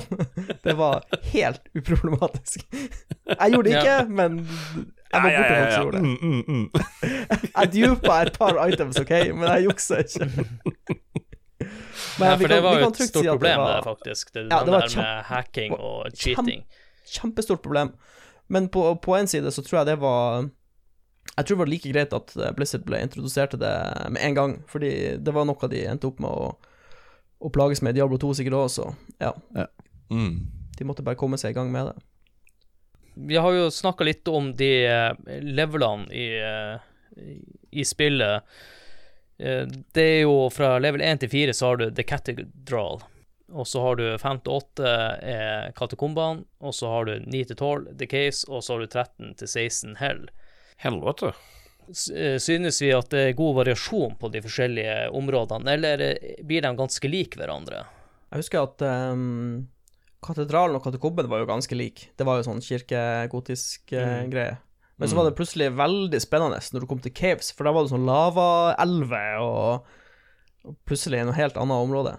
Uh, så uh, det er vel kanskje de som skiller seg mest ut fra de tre andre tilesettene. Mm. Men uh, spillet er jo veldig sånn lokalt, egentlig, for du er oppe i Tristram, og så er det kirka, katakomben, hule, helvete, og alt er jo Ja. Og helvete er jo den sprekka som han eh, Dag Thomas nevnte. Ja, den sprekken i gresset. Ja. Men det, Ja. det var jo noe kult i den hula, for der var det en sånn eh, Midt inne i spillet så var det sånn at eh, brønnen blir forgifta. Blir sånn grønt vann i brønnen, og så alle kommer til å dø hvis vi ikke fikser det. Ja. Og da går du inn i hula, så dreper du en sånn uh, poisoner-fyr. Og da kom det en sånn skikkelig fet animasjon hvor alt det grønne Det bare spruta sånn blått vann ut av den figuren, og så ble vannet helt fint, og så alle Yeah, you saved us! så den hadde en del sånne kule sånne småeffekter når du gjorde ting. Ja, ja. Ja, det er jo litt kult at man eh, At de er Du føler at du hjelper til byen òg. Du er ikke bare der og Ja, OK, dere har det jævlig, jeg bare går videre. Jeg skal bare drepe faren min og finne broren min og ja men jeg tror, jeg tror ikke vi kan si at uh, Diablo 1 er sånn veldig variert med tanke på omgivelsene. Det tror jeg ingen skal komme og påstå. For jeg husker i Diablo 2, når du kommer til den der ørkenplassen, så er det sånn her Hjernen min eksploderte, for det var Hæ, ørken i Diablo? Det er jo, hvorfor har ikke de tenkt på det før? Så eh, Ja, Diablo 1 har sine begrensninger, men, men de, man må starte en plass. Mm. Det går ikke an å lage Hoppe, hoppe rett i mål. Nei, vi kommer nok til å ha en Diablo 2-episode også en gang i fremtiden. Det er vi nødt til å ha. Så det er jepp. Ja, er det noen uh, hendelser som du har lyst til å trekke frem? Når vi, kommer, vi har jo nevnt uh, litt frem og tilbake om storyen. Er det noe dere har lyst til å trekke frem som er minnerik? For dere, i hvert fall. Ja, det er Du går rundt i mørtna, eh, og så åpner du et rom Du enten, enten så er du i katedralen i katakomben, jeg husker ikke, men rommet til The Butcher, når du åpner opp døra hans, og han kommer flygende ut med kjøttøksa og sier Oh, fresh meat! Det er, det, det er alle som har spilt Diablo 1 når de var små, husker, husker det. Faktisk, det er det som har skremt meg fra alle fiender som heter Butch eller Pudge eller hva som helst, og ser sånn ut videre. Du har sånn PTSD, sånn Mm. Så, Begynner bare å riste og skrike mens jeg ligger her på bakken og gurgler. Ja, det, det er ikonisk eh, spilleøyeblikk. Er, Han er vel en av de første bossene du møter også, ganske tidlig. Ja, jeg tror det. Ja. Det er det. Og så er han så br brutal, for han er så kjapp. Han kommer bare flygende opp i eh, øynene på deg. Det er, vel Ja, en altså- av de, det er vel en av de bossene i spillet som har mest law, mest tekst. Liksom. Altså, det, det bygger opp så veldig da, fram til den første happeningen der. Mm. Ja. Av Ja, for de som snakker om det, og Ja, det som mener at han har revet av beina hans og alt mulig. Mm. Ja, for det er jo det Det var det jeg nevnte med at du går liksom rundt og prater litt og får bygd ut litt story i Tristram, da, i starten av spillet. og Da er det sånn uh, The one they call the butcher. og så, så OK, ja, hvem er the butcher? Når jeg da hører the butcher, så tenker jeg bare en, en slakter med hvitt uh, sånn kokkeforkle som kanskje har litt blod på seg for at han har eh, ja, hakka en gris eller noe inn på, inn på kjøkkenet. Whatever. Men, men eh, her kommer du ned og Altså, det er ikke en gris han har, altså, det er jo spidda mennesker og kappa opp i biter og et blodbad inni det rommet. Er ikke der nesten hele befolkningen til Tistram ligger spidda? Jo, ganske mange av dem, jo. Ja. Ja, så, så, så Ja, som da Mats sa til noe ah, fresh meat og lyden her kommer sånn Hæ, hva skjer nå? Og så Oi! Han Ja, er død. Han, ja. han one-shotter okay. meg. Det er derfor både han, han Ogden, han som dreiv uh, Tavern, han Mm. var jo også inne hos Butcher, derfor han er fyllik nå og bare skriker og vil ikke se det igjen og er helt crazy. Så det liksom blir bygd opp skikkelig. Og det Ja. møtet der er samme med Mats, det er jo helt jævlig. Ja, jeg husker det. Jeg husker det som om det var i går. Jeg, jeg, kan, jeg kan nesten garantere at jeg døde der og skulle prøve å få tilbake kroppen min inne hos han og hadde ikke noe våpen. Ja, ja, ja. Ja, for, eh, ja, jeg regner vel med at de aller fleste har jo daua noen ganger hos The Butcher, så Jeg tenker i hvert fall når vi er warriors, fordi at eh, jeg har jo Jeg vet ikke hvordan, men eh, og, og, og hvor og hvordan jeg vet dette, men jeg vet at The Butcher kan du Hvis du får den bak en vegg med typ gitter, så kan du stå som en sorcerer eller rogue og skyte den via der, tror jeg. Du, du, du kan få låst den bak en vegg eller et eller annet som gjør at du bare kan Ja, cheese, cheese han, rett og slett. Ja, ja, ja bare, bare rett og slett bare cheese han, ja. Også, Ja. Men det er jo ikke det som er ja, utfordringen, holdt jeg på å si. Det er jo det først å bli skremt livskiten av, og så få tatt den i etterkant, da. Eller, jeg, ja. jeg, jeg tenker at Diablo 1 med Butcher er det samme som Fromsoft gjør med spillene sine i dag. At de bare kaster Ja, ut en sånn jævlig ja. boss i starten. Så Ja, er lykke til. en, eh, Klarer du dette her, så kanskje du klarer resten av spillet. Det, er, det er ikke en uh, helt uh, dårlig sammenligning. Også med tanke på at begge er litt sånn dark fantasy. Mm. skal du ikke se bort ifra at uh, Fromsoft har henta noen ideer fra Skulle til å si Plutselig så kommer bakom filmen for Elden Ring, og da sier de at eh, Butcher er liksom inspirasjonen til den eller den bossen, og så bare ah, shit. Men du hørte det her først på spill. Ja. Confirmed. Men- generelt eh, synes vi at de har eh, fått til et bra fiendeutvalg, sånn at det ikke er bare to-tre typer fiender du møter hele tida. Du har jo Ja, eh, er jo du, del- du, har, eh, du har noen fiender som er unike for de forskjellige tilesettene. Eh, og jeg, jeg syns Jeg syns fiendeutvalget er bedre enn selve eh, levelene, det må jeg si. For det er ganske mange Ja, Det er selvfølgelig en del recolorizations og sånne ting. Men Ja, det, ja. det Ja. Du Bare sleng på en ny farge, nå er det et nytt type monster. Det, Ja. Jo, men det, hjelper jo litt på, da. Det er jo noen spill som nesten ikke har monster. Vi snakka jo om forrige episode om Silent til 2, hvor Ja. uh, Der, der går det litt det repetitivt. vel, ja, veldig lite utvalg av fiender, men det er et Ja. helt annet type spill, husker, så det er ikke meningen å trekke inn det spillet. Jeg husker de i her, um, de her succubussene, de her damedemonene med vinger, Mm. så skyter de her Mm. en sånn lysstjerne. Et sånt rom fullt med de, så kommer det flygende sånne 100 sånne lysstjerner mot deg, liksom. Ja. Det, ja. Mm. Jeg har fortsatt litt sånn dårlige minner fra det når jeg spilte Warrior. Ja. Men eh, jeg syns det var Ja, det var bra. Skal vi eh, snakke litt om kanskje Jeg håper å si den elefanten i rommet, da? Diablo. Han Diablo sjøl. Ja. The Diablo. El Diablo. Nei, han, um, han er jo big bad. Jeg tror Ja. jeg, jeg tror faktisk um, Første gang jeg kom til han Jeg måtte, jeg måtte gå på Viken og sjekke, og ja, faktisk, i Diablo 1, hvis du lagde en uh, singleplayer-karakter, så var det bare én game mode, altså én difficulty mode. Uh, hvis du skulle spille Nightmare og Hell, så måtte du lage en multiplayer-karakter, faktisk. Ah, ja. For jeg, husker en sånn her- jeg husker en sånn irritasjon i bakhodet med at jeg måtte lage filmen på nytt igjen. Men ja, uansett. Ja, Diablo, siste bossen i spillet. Uh, ganske vanskelig boss. Veldig. Ja. I hvert fall som warrior. ja i, I hvert fall som Warrior. Jeg, jeg husker bare at det var Ja, det var sånn her jeg ble, jeg ble glad når jeg klarte å drepe han til slutt, for det var så vanskelig med den gempa Warrior-karakteren min. Med dupa The Grizzly. For jeg drev, jeg drev lette litt etter altså Jeg søkte på, for jeg spilte også Warrior, så jeg søkte på klassene eh, litt i går. Og da var det flere som bare mente at Warrior, det er for masochister i Diablo 1. Ja, ja, det var Du måtte fylle ryggsekken med potions, tror jeg, for å ta Diablo med liksom vanlige gear du har fått fra spillet normalt. Mm. Eneste lootet du fikk med deg fra Diablo, resten var bare potions i hele backpacken. Ja, og så Jeg har et sånt minne av at han var veldig rask. Men det er kanskje bare PTSD-en som eh, kicker inn. Jeg tror PTSD-en og mana fram flammer og alt, og var jævlig. ja, Pentagrammer på bakken og ja, ja. Bosskampen er mer heavy enn det, det den egentlig var. ja, det kan være. Ja, men de kampene pleier å være episke i hele serien nå. Altså sånn De har fått fram den frykten fra første spillet ganske bra hele veien. Ja, ja, du er alltid litt redd av han Diablo på grunn av Ja. at du husker det første gang du møtte han i Diablo 1. Men det er, jo Mm. veld, det er jo veldig bra at de har klart å eh, skape de her eh, eh, momentsene, da, med de bossene. At eh, du bygger opp til eh, et, et skikkelig klimaks, da. Og da er det en vanskelig bosskamp de, som du har i vente. Og de er jo ganske minnerike, eh, sånn som også nevnte han Skeleton King eh, Leoric. Mm. Ja. Så de Han er jo- sitter jo godt eh, friskt i minnet, da, de bossene der. Han Skeleton King eh, Han er jo faktisk så minnesrik at han Han ble jo en eh, Han ble jo en character i Dota, og så var det noen sånne her trademark-greier. De måtte jo bytte navn og masse styr. styr. ja. Ja, ja.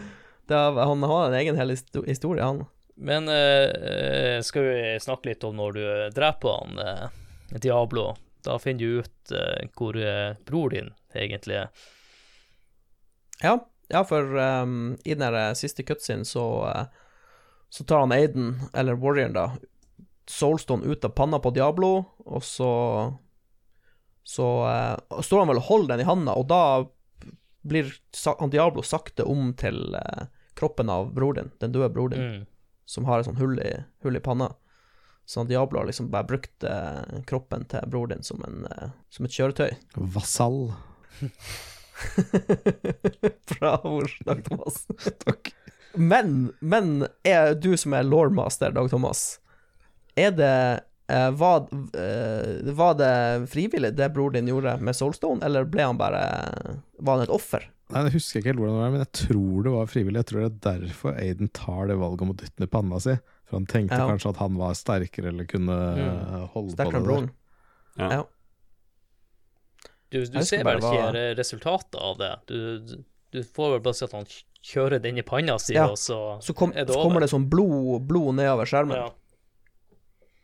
Og så er jeg usikker på om det med den vogna og greiene, om det Var det i Diablo 1, eller var det i Diablo 2? Det som skjer etterpå? Er Og det er vel Diablo 2, er det ikke det? Ja, det er kanskje det. Nå skal vi ikke snakke om Diablo 2 i denne Nei. episoden, men eh, Nei. det, det fortsetter vel rett må bare Vi må slippe, slippe ned noen frø. Ja. Mm. Er det noe mer vi eh, føler vi må ta med i denne episoden her som vi ikke har nevnt, eller? Om, om eh, fiendene? Ja, eller generelt om eh, Diablo.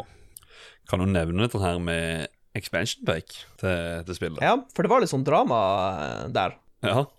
Det kom jo en eh, expansion pack i 1998 her i Europa, og eh, den het Hellfire. Utvikla av Synergistic Software pga. Blizzard North. De hadde allerede begynt på Diablo 2.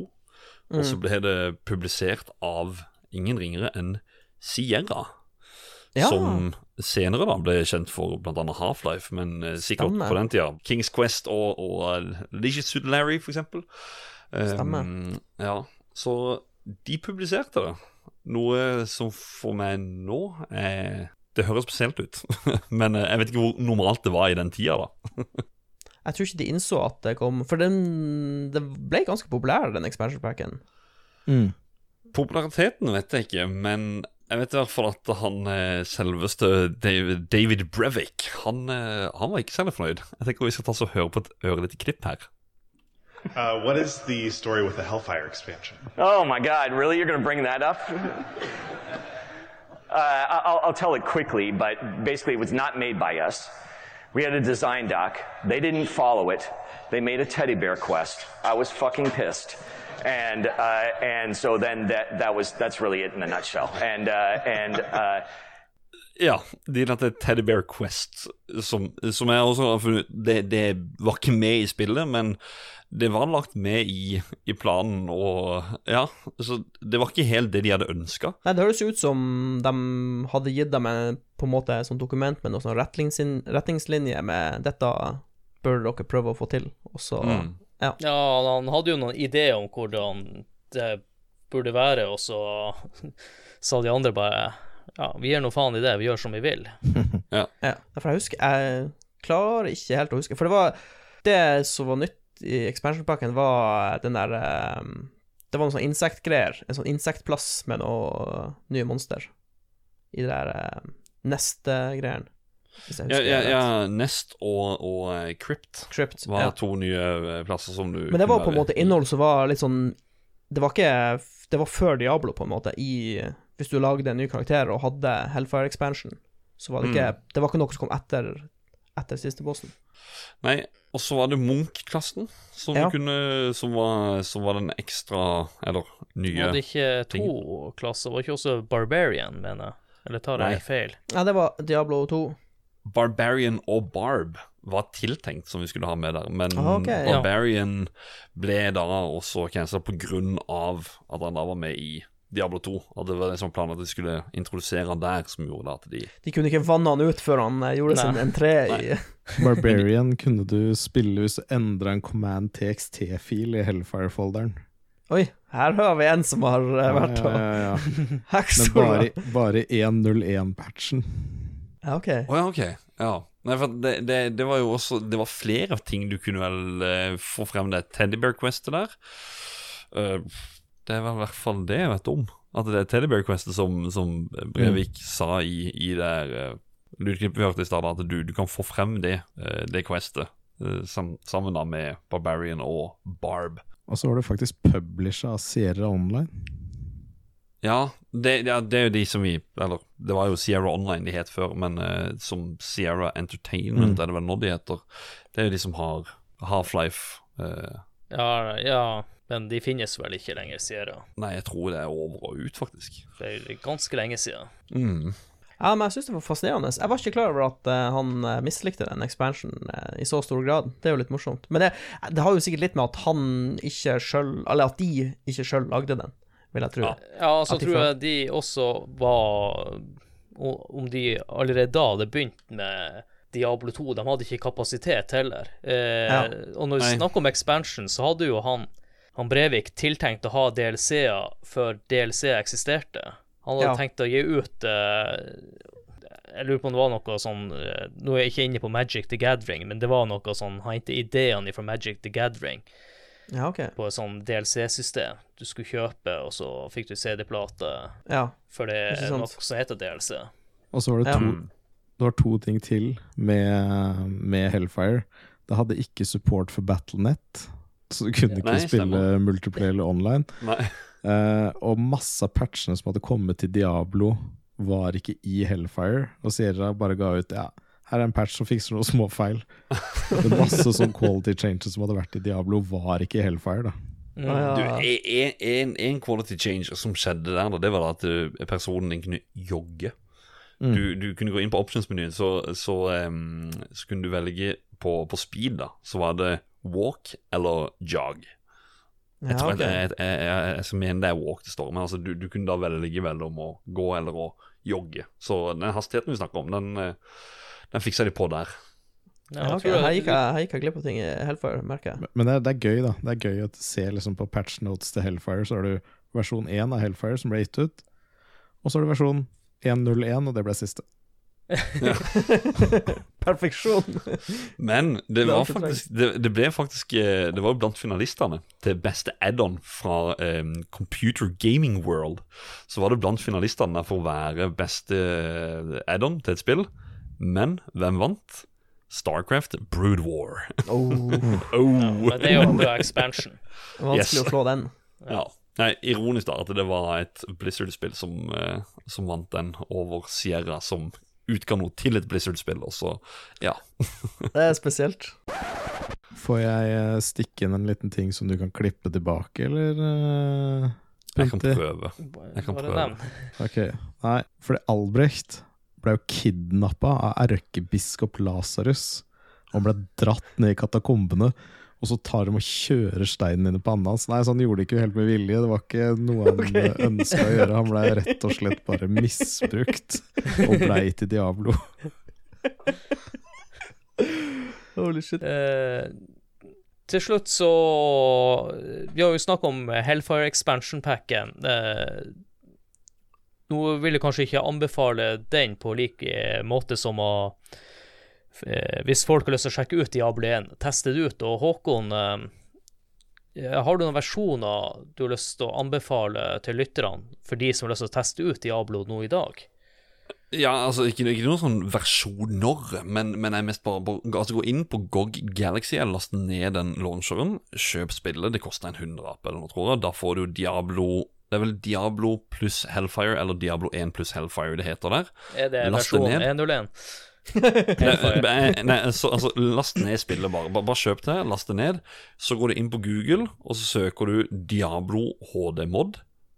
Så laster du ned den. Oh. Eh, Men- jeg var litt overraska over at uh, den lille moden der, den tar ikke mer enn sånn 30 megabyte og uh, har vært utvikla nå ja, Nå spiller denne her episoden inn i 2022, og 2014 var det vel han ble påbegynt eller et eller annet. Hvis, hvis ikke tidligere, kanskje. Men han har eksistert i mange, mange år, og det bare gjør spillet eh, Ja, nå, nå, nå er vi i en ørliten time til den moden, da, men jeg ser bare at eh, det er så mye det, det er så mye pluss med det. Det er større field of view. Eller nei, sånn field view, eh, eller view field, eller hva det heter. Men ja, det, det, det skjønner. Eh, Ja, det, det, det, det zoomer lenger ut da. Eh, Det er bedre frames, så det går mye bedre. Eh, Det er flere Quest, det er flere klasser. Det er, altså, det er bare mer av alt. Og så er det fan-based, og så tror jeg nok at folk som er eh, Eller at de som har lagd det, er jo selvfølgelig også fans av Diablo 2, og kanskje henter litt der inne med at du kan Jeg merker du kan holde inne alt-knappen for å se alle items som ligger rundt forbi. Mm. Når jeg har testa det originale, så kan ikke jeg huske at det var en standard heller. Du måtte liksom Nei, det var, det med muspekeren over items. nei, det var mye sånn som var skjult. Og en annen ting som er litt sånn Det er jo sånn utenkelig i dag i et action-RPG, men jeg tror det var bare bossene og sånn du kunne se helsa på der oppe i midten. Sånne vanlige mobs Det er du slåss oppe med. også, vet jeg. Ja, Mm. ikke sant? Du, Ja. Du visste ikke Er han død snart? Er han død snart? Ja, det, kommer jo shit, bare, det kommer jo bare tall, så du Ja, har ikke ja, noe sånn, formening du må om bare- det. Ja, ja, Nei, det var så det, det, men det, det er også med på denne måten. Altså, det, det er bare Spillet blir bare Ja, drømmeutgaven, hvis du absolutt har lyst til å spille Det, det, det, det, det du Diablo, kan si, H- moden modden, er det du mener å huske at spillet var. Ja. pluss mer. Ja. det, ja, ja. De, noen, de er der så mye mer. Hvis noen graver opp den gamle CD-en liksom og legger inn original Diablo, så tror jeg de blir litt skuffa fra den nostal nostalgiminnene. Mm. Mm. Så er dere nysgjerrig, sjekk det ut på YouTube. Eh, hvis du klarer å avse en hundrelapp, så gå inn, kjøp spillet. Gå inn på Google, eh, Diablo 1 HD-mod. Last den ned inn i eh, mappa til spillet. start. Det er that simple. Det er, og det er absolutt verdt det. Det er noe til og med jeg klarer, og da bør alle klare det. Ja. Føler vi oss klar nå til å begynne å rate Diablo 1? Ja. Jeg er sykt klar.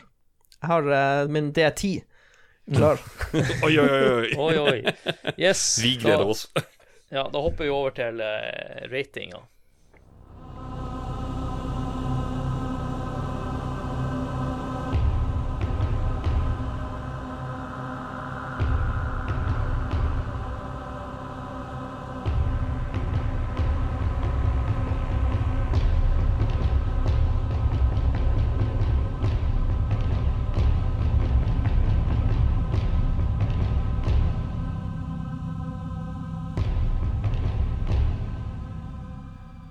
Nå skal vi rate Diablo, og vi bruker Nintendo-magasinet sine kriterier og karakterskala, hvor vi bedømmer spillet etter de her fem punktene. Grafikk, lyd, spillkontroll, underholdning og holdbarhet.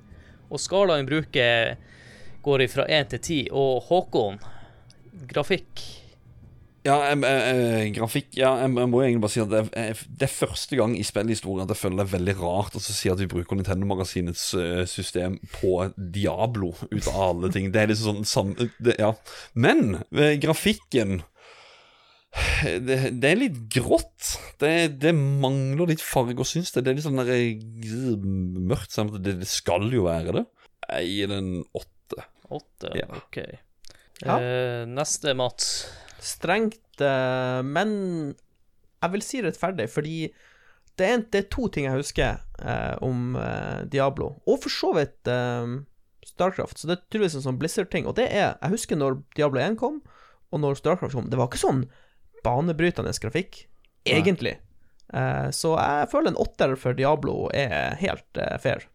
Ja. Og du er også en åtter. Enn du, Dag Thomas? Blir jeg liksom odd man out, da, men jeg bare gir en åtter, jeg òg, da. Det føles dumt i en sjuer og dumt i en nier. Nei, jeg kan ikke gjøre noen ting ennå. Nei, fuck det ennå. Nei, nei, det, er vi setter jo pris på om du Nei, kommer det med annet, men det er ikke noen oppfordring. Nei da, jeg syns, eh, jeg syns eh, grafikken var fet, men det var jo ikke noe bedre enn f.eks. Fallout og de andre spillene som kom på samme tid.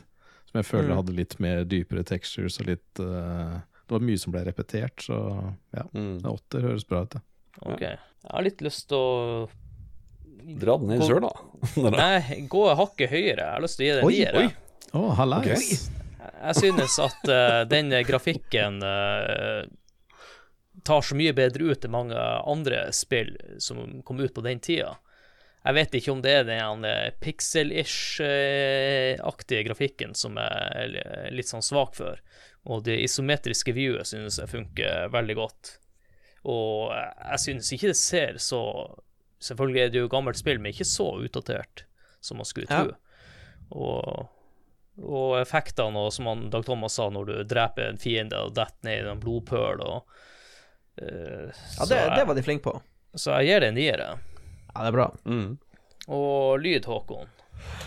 Der står jeg vel kanskje på en ni. Uh, Tristram-musikken. Uh, konge. Uh, setter stemning. Eh, vi har snakka om det, at musikken også er med å sette stemning. Eh, ja, og du har også nevnt det med lydene på droppet ta ting. Det funker. Eh, Voice-actinga i spillet, så som så. Men, ja, det, det eh, glemte å si, men det høres jo ut som noen s- med Biltemamikrofon koster 25 kroner, Ja. sånn spill inn med denne.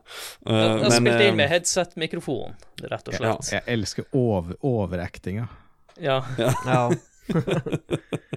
jo, nei, men, men, jeg, men jeg, syns, jeg syns det har sin sjarm også, faktisk. Så ni. Ni. Ja. Eh, Du, Mats. ja. Hadde det ikke vært for uh, shitty voice acting og litt sånn, så hadde det fått en tier, men jeg gir det en, en sterk nier. Bare, Du, du bare lov til å gi grunn ni og en av, halv eh, hvis du vil. Jeg vet du hva, det får en ni, og- ni, det får ni og en halv. Bare på grunn av uh, Tristam-musikk og ja, det der, den der akustiske gitaren. eh, Mm. Jeg, moser, jeg moser bare på en tier, jeg. Altså, kontra alt annet på den tida der. Med de fete Altså, du har Tristram-musikken, du har liksom gitar Fresh meat. Fresh Ja, akkurat, akkurat voice actinga, ja, du kan si hva du vil om den. Spiller ikke noen rolle, det er bare litt av spillet, en liten del. Men lydende ting som flakser, lander på bakken, gurglelydene, blodsplettinga Det er liksom bare Alt er bare helt episk. Og så må vi ikke glemme av Stay a While and Listen. òg. Ja. Stay a while and listen. Nei, her uh, vil jeg eh, ni. Jeg helte litt mot åtte og en halv også, men uh. Uh. det Pass på, ni. Tearing Dag, dag, dag, dag står på døra snart. eh, Som Diablo. Og så kommer jo da det som alltid er litt vanskelig med PC-spill, eh, spesielt med tanke på at Nintendo-magasinet har noe som heter spillkontroll. Mm. her er vel litt mer kommandokontroll, kanskje. Ja, åssen spillet spilles. Ja, det har sine hotkeys og alt sammen, men det er C for å se på karakterene I, og så er det spredd rundt på hele tastaturet. Få det på en linje hadde vært mye mer ryddig og greit, eller mulig for å kunne konfigurere det. Det kan du ikke. Jeg vet ikke, jeg Åtte? Ja, åtte. Jeg altså, det funker greit å bevege seg, alt sammen, men, men det er litt sånn Det det er clunky fra tid til annen. ja, Når du skal ned i OK, Ok, gå inn i Cathedral, det er én ting, men, men det å gå ned i trapper, for eksempel, det er å trykke så nøyaktig at eh, Ja. ja, jeg føler åtter er på sin plass her. Mm. Det, det er ting som kunne vært bedre, men det er også ting som kunne vært dårligere. Ja. Men det fungerer. Det fungerer. Mm. Dropper du en tier noen dag, eller? Nei, altså på spillkontroll der. Du, du har jo Altså, jeg syns det var mye av mechanics som var gøy. Altså det med potions, at du måtte trykke på de, og liksom alt det der. Men var det veldig bra? Var det bra å holde skift inne og stå stille i en døråpning og mose? uh, litt usikker. Sju, sju. Sju. Jeg må bare lette all min lit til Håkon, som har nylig har spilt det, så jeg gir det en åtter. Jeg kan ikke gi noe annet. Jeg må stole på min kompanjong her. Håkon? Mm. Hvilket level ble du? Altså, jeg, det husker jeg ikke, faktisk. For det- jeg, jeg starta litt på nytt her og der for å prøve liksom både Hellfire og, og vanlig og Hva? Ja. Så, Var det level 30 som var maks? 50. 50? Ja. Ja. tosifra. Jeg husker ikke hvor mye, men eh, ja. en underholdning, Håkon, blir du underholdt? Ja, og jeg kan eh, egentlig sette meg ned og spiller etterpå for all del trykke, men det har jo selvfølgelig noen eh, savn her og der, og forbedringer som finnes i andre spill, så um, Men jeg har jo den her loot-greien. Må ja, og, ja, den loot-greia snakker veldig mye til meg her, altså, så uh, Vil ha mer, vil ha mer. Det er jeg slash, bare gi meg all den looten. Mm, Ni? Ja. Ni. Ja, du, Mats. Jeg har lyst til å gi bort én tier, tenkte jeg. Um, jeg har nok sett Så- holdbarhet under her, men uh... ja, men jeg, tror- den, får, den får ikke det der, så jeg, her må vi Jeg må klinke til med en tier her. Jeg må, jeg, må, jeg må gi Diablo en tier. Hvis ikke så kommer jeg til ikke til å få sove i natt. Nei. Ja, Nei, men, jeg, men jeg, jeg ser det. Jeg ser, jeg ser den. Det er jo underholdende som fyr. og det er jo egentlig tier. Og det, det er når, når Uniques begynner å droppe og sånn, da, da koser man seg. Jeg er helt enig. Det, det spillet var så underholdende av så mange grunner. Altså Hvordan det føltes, hvordan det så ut, hvordan lyd Altså alt mulig. Det er eh, for meg tier lett. ja. Jeg heller oss mot der han Håkon er. Litt mer ny. Jeg tror det også skyldes at man ikke har de samme no nostalgiske feelings til spillet. Mm. Eh, Men jeg skjønner jo hvorfor eh, fansen setter pris på det. Det er jo Det har jo mye artige ting med seg, det spillet. Mm. Så det, det blir jo trukket ned litt på nostalgien, vil jeg nok eh, I hvert fall for min del, da. At jeg ikke har det. Så nier. Eh, holdbarhet, Håkon. Mm. Skal vi kanskje si at eh, skal, vi, skal vi hjelpe spillet litt og si at det er HD-moden eh, Ja, det er det jeg skulle spørre om. Ja. Får vi lov til å bruke den? Ja, altså, det, det, det er jo spill i seg sjøl en må, må snakke om. Altså, det at du faktisk må inn og modde for, å for å forbedre det. Altså, det jeg, jeg merker jo med HD-moden at det plutselig Oi, det, det var jo på mange måter et, et nytt spill igjen. Selv om det er Diablo er, 1. det er jo holdbarhet. Det er jo Ja, du, du må modde det for at det skal være bra. For at du skal virkelig si at Øy, dette her, det, det er et bra spill. er, det, er det Um, fortsatt fett og bra når du bare går bortover og ikke kan løpe? Nei, jeg løper i det spillet der. Jeg har satt opp speeden og full pakke, og det er masse mer mobs og, og, og alt det, så det er grisefett. Men uh, originale uh, Diablo som holdbarhet, jeg skal si syv. Fordi at det finnes så mye mer der ute som er så mye bedre. Og Diablo 2, bare for å trekke frem ett av dem. Ja, Ja, jeg, jeg, jeg satt der og tenkte Ja, det kommer veldig nye nyheter fra Håkon, så syv, så jeg blir jo litt uh, overraska. Men jeg, jeg, er, jeg er helt enig med resonneringa her, fordi når vi ser på holdbarhet i dag, så har Blizzard lagd eh, det samme spillet på nytt igjen, bare mye bedre i Ja. Diablo 2. Mm. Så, så da mister jeg Diablo 1 holdbarhet med en gang. Så en syver Jeg hiver meg på syvertoget. Og Dag Thomas.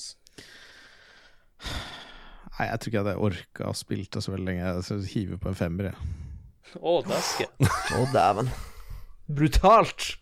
Ja, det er jo ikke akkurat sånn Brutality. eh, Let's play some classics, boys.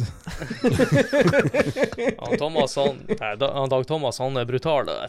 Det, Ja, det er men, men eh, femmer i seg sjøl, vi er jo vant til å gi høye karakterer i spillet, men femmer er jo eh, midt på treet. Det er jo ikke sånn at Ja, man skal jo slakter- egentlig bruke hele skalaen. Ja, ja. Ja, men hadde det vært minus 14 til 158, så hadde jeg kanskje gitt 90. Ja. ja, ja. det liksom kommer litt an på skalaen. ja.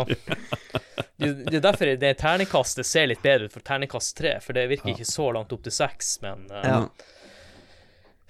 Holdbarhet eh, Jeg har nå skrøttet av eh, at jeg syns grafikken er bra, lyden er bra, spillkontrolleren er OK, underholdninga er ni. eh, jeg er jo glad i litt eldre spill. Jeg har litt lyst til å Nå tenker jeg på WoW Classic når jeg testa det, og stort, det som gjorde at jeg ikke valgte å spille det videre, var at det mangla en løpeknapp.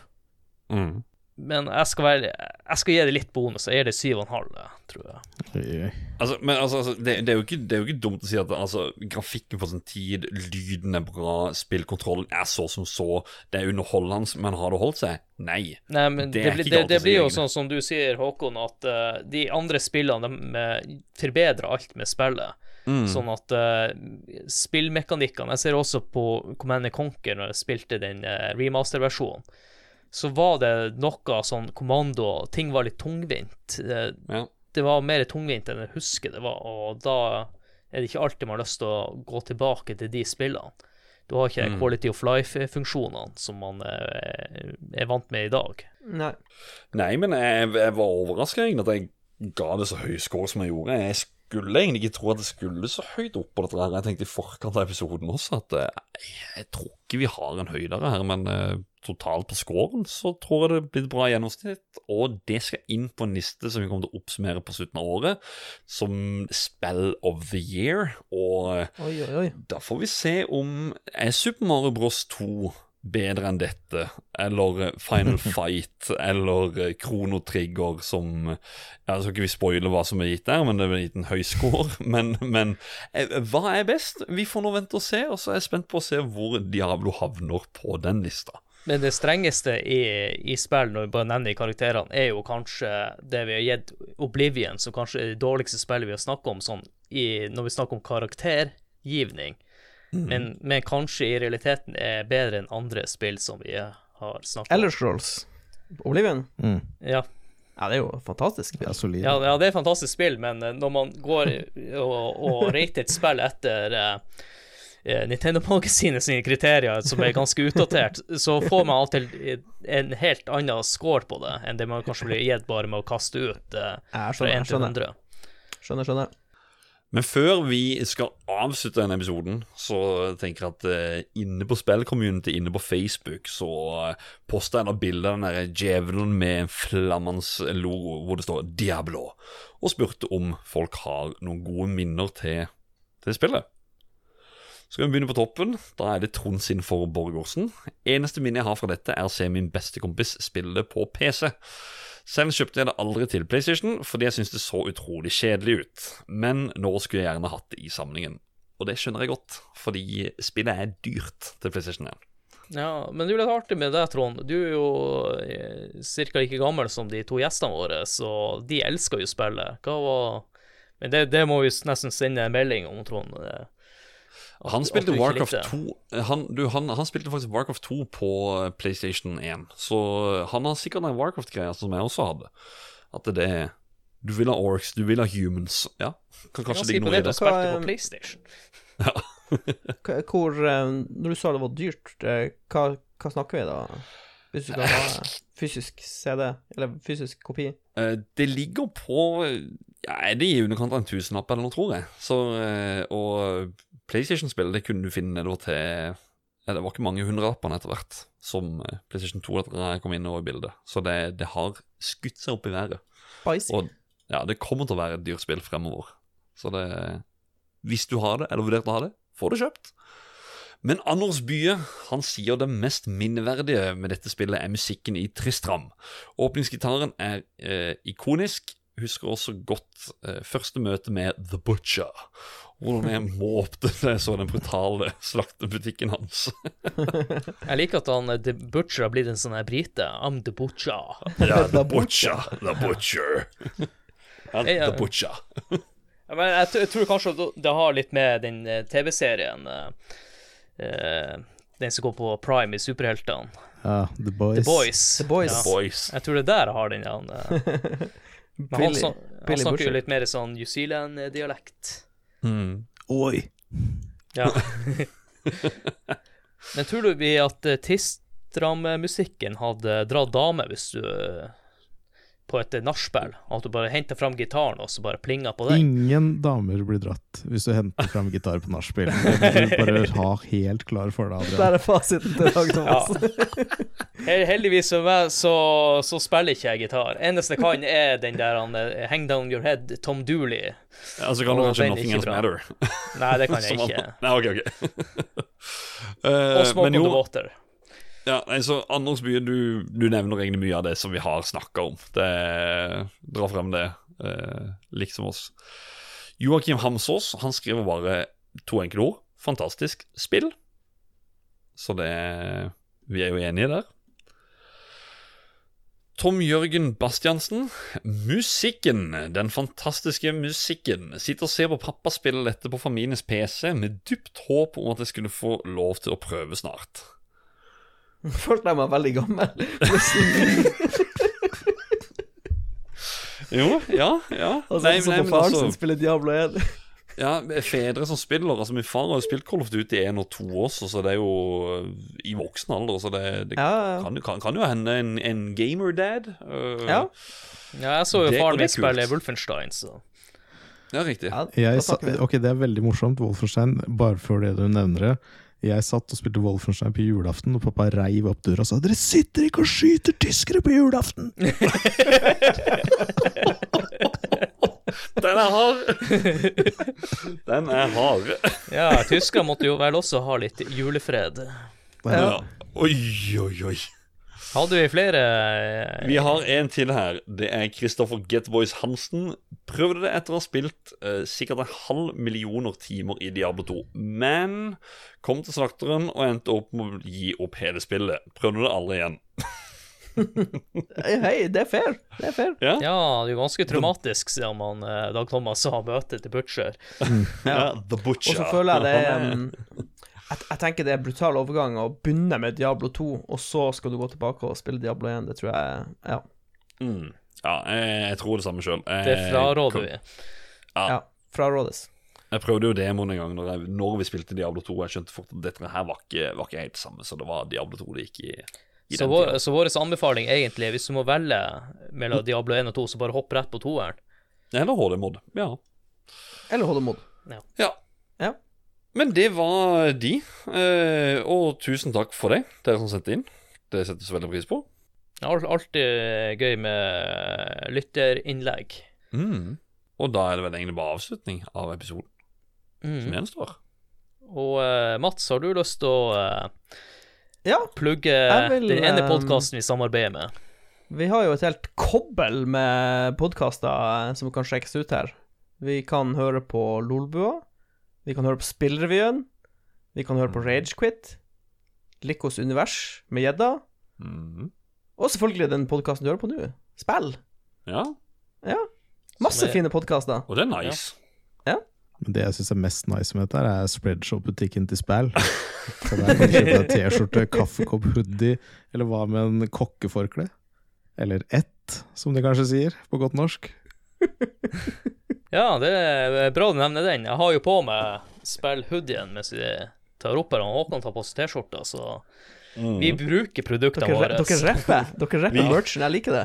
Vi sitter med merch under innspilling, bare Ja. så dere vet det. Så jeg håper at Det er dere som, imens dere hører på, at dere har på dere merchen. Begynner å høre episoden. Oh shit, feil T-skjorte. Må komme hjem, skifte. Boom. Play that episode. Ståle har kjøpt merchen min, som sitter som et pølseskinn jeg tar opp med.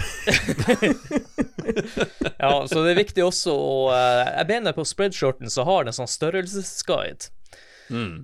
Så Følg den. Følg den. Respekter. Ja, ikke inn opp som han eh, Dag Thomas med Nei. pølseskinn. Nei, så det Ja. Det, for det, det var litt den der at, at vi skulle plugge hva, hvor en kan høre hverandre, men altså, vi er jo under samme paraply, holdt jeg på å si. Eh, Mats, hører dere mye i Lolbua? Og Ja. Dag er jo en av de tre rytterne i eh, Ragequit. Ja. Og jeg tror um, hvis det noen gang er snakk om en Diablo 2-episode, så er det en uh, viss person i Likos univers som eh, Yes. heter Gjedda, som har mye kunnskap om Diablo 2. Jeg kan Ja. allerede bekrefte at han er bekrefta som gjest til Ja, ok, ja. episoden. Det, er- han, han, er, han er må. Han må være med. Ja. Men ellers så har vi en Facebook-side som vi kan ta og sjekke ut, og et Facebook-community som vi stilte spørsmålet om folk hadde minner til spillet. Og så har vi en Discord-gruppe. Alt dette her finner dere i episodebeskrivelsen. Og så må vi som alltid rekke en stor takk til Joakim Froholt, som lager en artikkel om alle episodene våre inne på spillhistorie.no. Sjekk ut det for eh, masse sweet gaming news i både gammelt og nytt. Og så eh, hvis dere ønsker å støtte oss, støtte ja, oss fire og resten av disse her karene under Lolbua Inc., så kan dere gjøre det via patreon.com slash lolbua. Der vil dere da finne en tier som heter Nachspiel. Der er det da vår eh, bonuspodkast som heter Spill, eller nei, nei Nachspiel. Um, og så er det en tier som heter Festdeltaker. Da får dere tilgang til det som heter Roffelbua. Det er da hele sulamitten av den der Lollebua Inc., som der lager episoder om det ene og det andre. Litt sånn bonusmateriell der også. Ja, da har vi vel nevnt alt, og så kan vi jo også plugge på slutten. Jeg har jo hevet meg inn på Twitch. Eh, Det kommer litt an på når du hører episoden. Om du hører om det her om eh, fire år, så er det ikke sikkert at jeg streamer lenger. Men for dere som hører nå, så eh, kjører vi en del streams. Og jeg og Håkon blir sikkert også å kjøre noen streams sammen hvor vi spiller multiplayer, og da kan jo hende at det blir litt underholdende. Mm. Blir litt kjefting på hverandre. Så bare følg med på Instagrammen eller på Facebooken. Der bruker vi å annonsere når vi bruker å streame. Og også inne på discorden. Og så vil jeg jo si tusen takk for at du kunne være med igjen, Mats. Ja. Du, Nei, bare hyggelig. Du er jo mannen vi bruker å spørre når du kommer til PC-gaming, for du har jo spilt alt av PC-spill på 90-tallet. Ja, jeg var dypt investert i PC-verden på den tida. Og nå, for så vidt. Ja. Ja. Sånn at Nei, men bare eh, kjempe, kjempetrevelig. Ja, og vi blir nok å høre me- mer fra deg igjen, og du blir nok å være med på flere framtidige episoder. Og så vil jeg jo rette en stor takk til han Dag Thomas, som gjorde sin debut i spill. Hvordan synes du det har gått? Ja, dette var derimot den siste episoden jeg fikk være med på, men Nei da, det er du, Nå har vi begynt å bli samkjørt. eh, Nå er jo eh, jeg syns det var veldig trivelig. jeg. Ja, det var veldig trivelig å ha deg med. Hyggelig Og å snakke kanskje med han, også, kanskje han også har lyst til å være med på eh, Diablo 2-episoden? Diablo 2, jeg la meg ikke, jeg la meg ikke ta opp det der, eh, Adrian. Ok. Jeg gikk inn i militæret igjen da Diablo 2 ble gitt ut. Jeg satt med spillet du på senga kaserna. Å nei! Kom jeg tilbake et år etterpå, ingen som spilte lenger, måtte spille aleine. Nei! Nei! Nei, takk for at du rippa opp i det. Oh, And on that bombshell skal vi bare si tusen takk for oss, eller Ja, og tusen takk for dere som hørte på. Ja. Eller til dere som hørte på. Takk for alt dere ga, og gå med Gud. Ja, gå med Gud. Ha ja det. den er god. Fint. Ahoi. Ja, kom inn. Eh, hei, Håkon. Du, eh, hei. den storyen dere hadde skrevet opp bakhistorien for spillet, jeg er ikke Ja. helt enig i at, den- at, at, det, at det var det de prøvde liksom å formidle da, til spilleren. Fordi jeg okay. vet ikke om du har hørt om Sigmund Freud og psykoanalysebevegelsen fra 1900-tallet, så jeg har bare lyst til å ta deg gjennom et sånn et knippe av mine tanker da, rundt denne historien her. Ja, ja, jeg sitter her, så det er bare å fortelle. Hva om alle tok feil? Hva om historien ikke omhandler Aidan, som kommer hjem fra en feilet krig i Vestmart og hjelper innbyggerne i Tristram ut av en knipe? Hva om alt utspiller seg i Albrecht sitt hode de siste sekundene før han dør? Hva om alt er en fantasi, en drøm?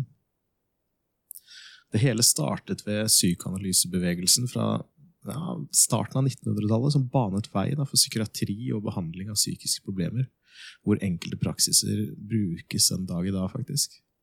Så ved å forankre resultatene av denne bevegelsen i den moderne verden, kan vi bruke psykoanalyse som en modus for litterær tolking. Ved å bruke Sigmund Freud sin metode for å forstå og diagnostisere, kan vi tolke de psykologiske implikasjonene av representasjonsinnhold som spillkarakterens opplevelse gjennom spillet. Selv om psykoanalysens grep om virkelige mennesker er tvilsom, kan oss, altså, den kan gi oss en dypere forståelse av komplekse karakterer og forlengelsen av historien de er bygget inn i. Så her kan vi da på en måte bevise hvordan en verden, en historie og et sett med karakterer, samt en spillers handlefrihet, da, altså oss, kan brukes til å representere psykoanalysen i et enkelt sinn. med dette kan vi vise hvordan Diablo var et kunstverk, og hvordan videospill kan bevege seg utover våre typiske sunne ideer om verdensbygging og soplisisme for å skape et portrett av den grunnleggende spenningen som definerer og motiverer den menneskelige psyken. Ved å bruke den grunnleggende psykoanalytiske modellen av sinnet som delt inn i ID, ego og superego, sammen med de grunnleggende prinsippene som er forstått å motivere dem. Med dette grunnlaget kan vi bevise hvordan personen Aiden, King Leoric og Albrecht er den samme personen. For å koke ned psykoanalyse ned til et slagord er det tre ting i tankene dine. Hva du vil, hva du ser, og hva du skal være. Henholdsvis er disse ID, ego og superego. ID-en er kilden til instinkter som ego og superego er avledet fra. Det er det ubevisste, nytelsesmotiverte aspektet av sinnet som styrer oss når vi først blir født. Egoet er aspektet av sinnet som utvikler seg fra ID, som utgjør et individs perseptuelle bevissthet, perspektivet på omverdenen og evnen til selvrefleksjon. Freud sammenlignet ofte egots forhold til ID med forholdet mellom en rytter og en hest. Hesten gir lokomotiv energi, og rytteren har privilegiet å bestemme målet og lede bevegelsene til hesten. Relasjonene mellom ego og ID er et bilde av den mindre ideelle situasjonen der rytteren er forpliktet til å lede hesten i den retningen den selv ønsker å gå. Superego er et partisjonert og spesialisert aspekt av egoet, identifisert med begrepet samvittighet, en observerende funksjon med hensyn til ego. Dette aspektet av sinnet som ens moralske sans kommer fra, og drømmer og straffer egoet og tvinge spenninger som skaper følelse av skyld og underlegenhet når dets tanker eller atferd går i strid med sosiale normer eller regler. Det er resultatet av at egoet internaliserer eller identifiserer seg med dømmekraften og veiledningen til foreldre og andre omsorgspersoner. Med Aidan som hovedperson så engasjerer han oss gjennom hele historien. Men det er tre hovedkarakterer i universet hans. Albrecht, som vi senere oppdager er en representasjon av Satan, det ondeste i verden, og King Leoric gitt minne fotfølger Aidan gjennom hele historien. Albrecht som ID.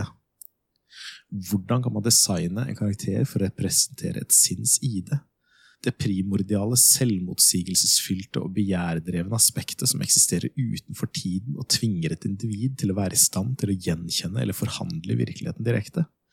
Hva om Albrecht kontrollerer de andre karakterene i sitt desperate ønske om å nå opp til sin bror, krigeren? At han faller ned i en brønn av desperasjon og lager historier vi kjenner i Diablo? At Aiden og Leoric ikke er egne personer, men en oppdikting av Albrecht for å ikke nå opp til og passe inn. Albrecht har også et subliminalt forhold til etterlivet. Vi ser dette forholdet på slutten av spillet, der Albrecht har transformert seg til Diablo for å kunne hevde seg. Albrecht blir en slags direktør for handlingene til Aiden, som desperat prøver å finne sin bror og hjelpe han ut av en forferdelig krevende situasjon.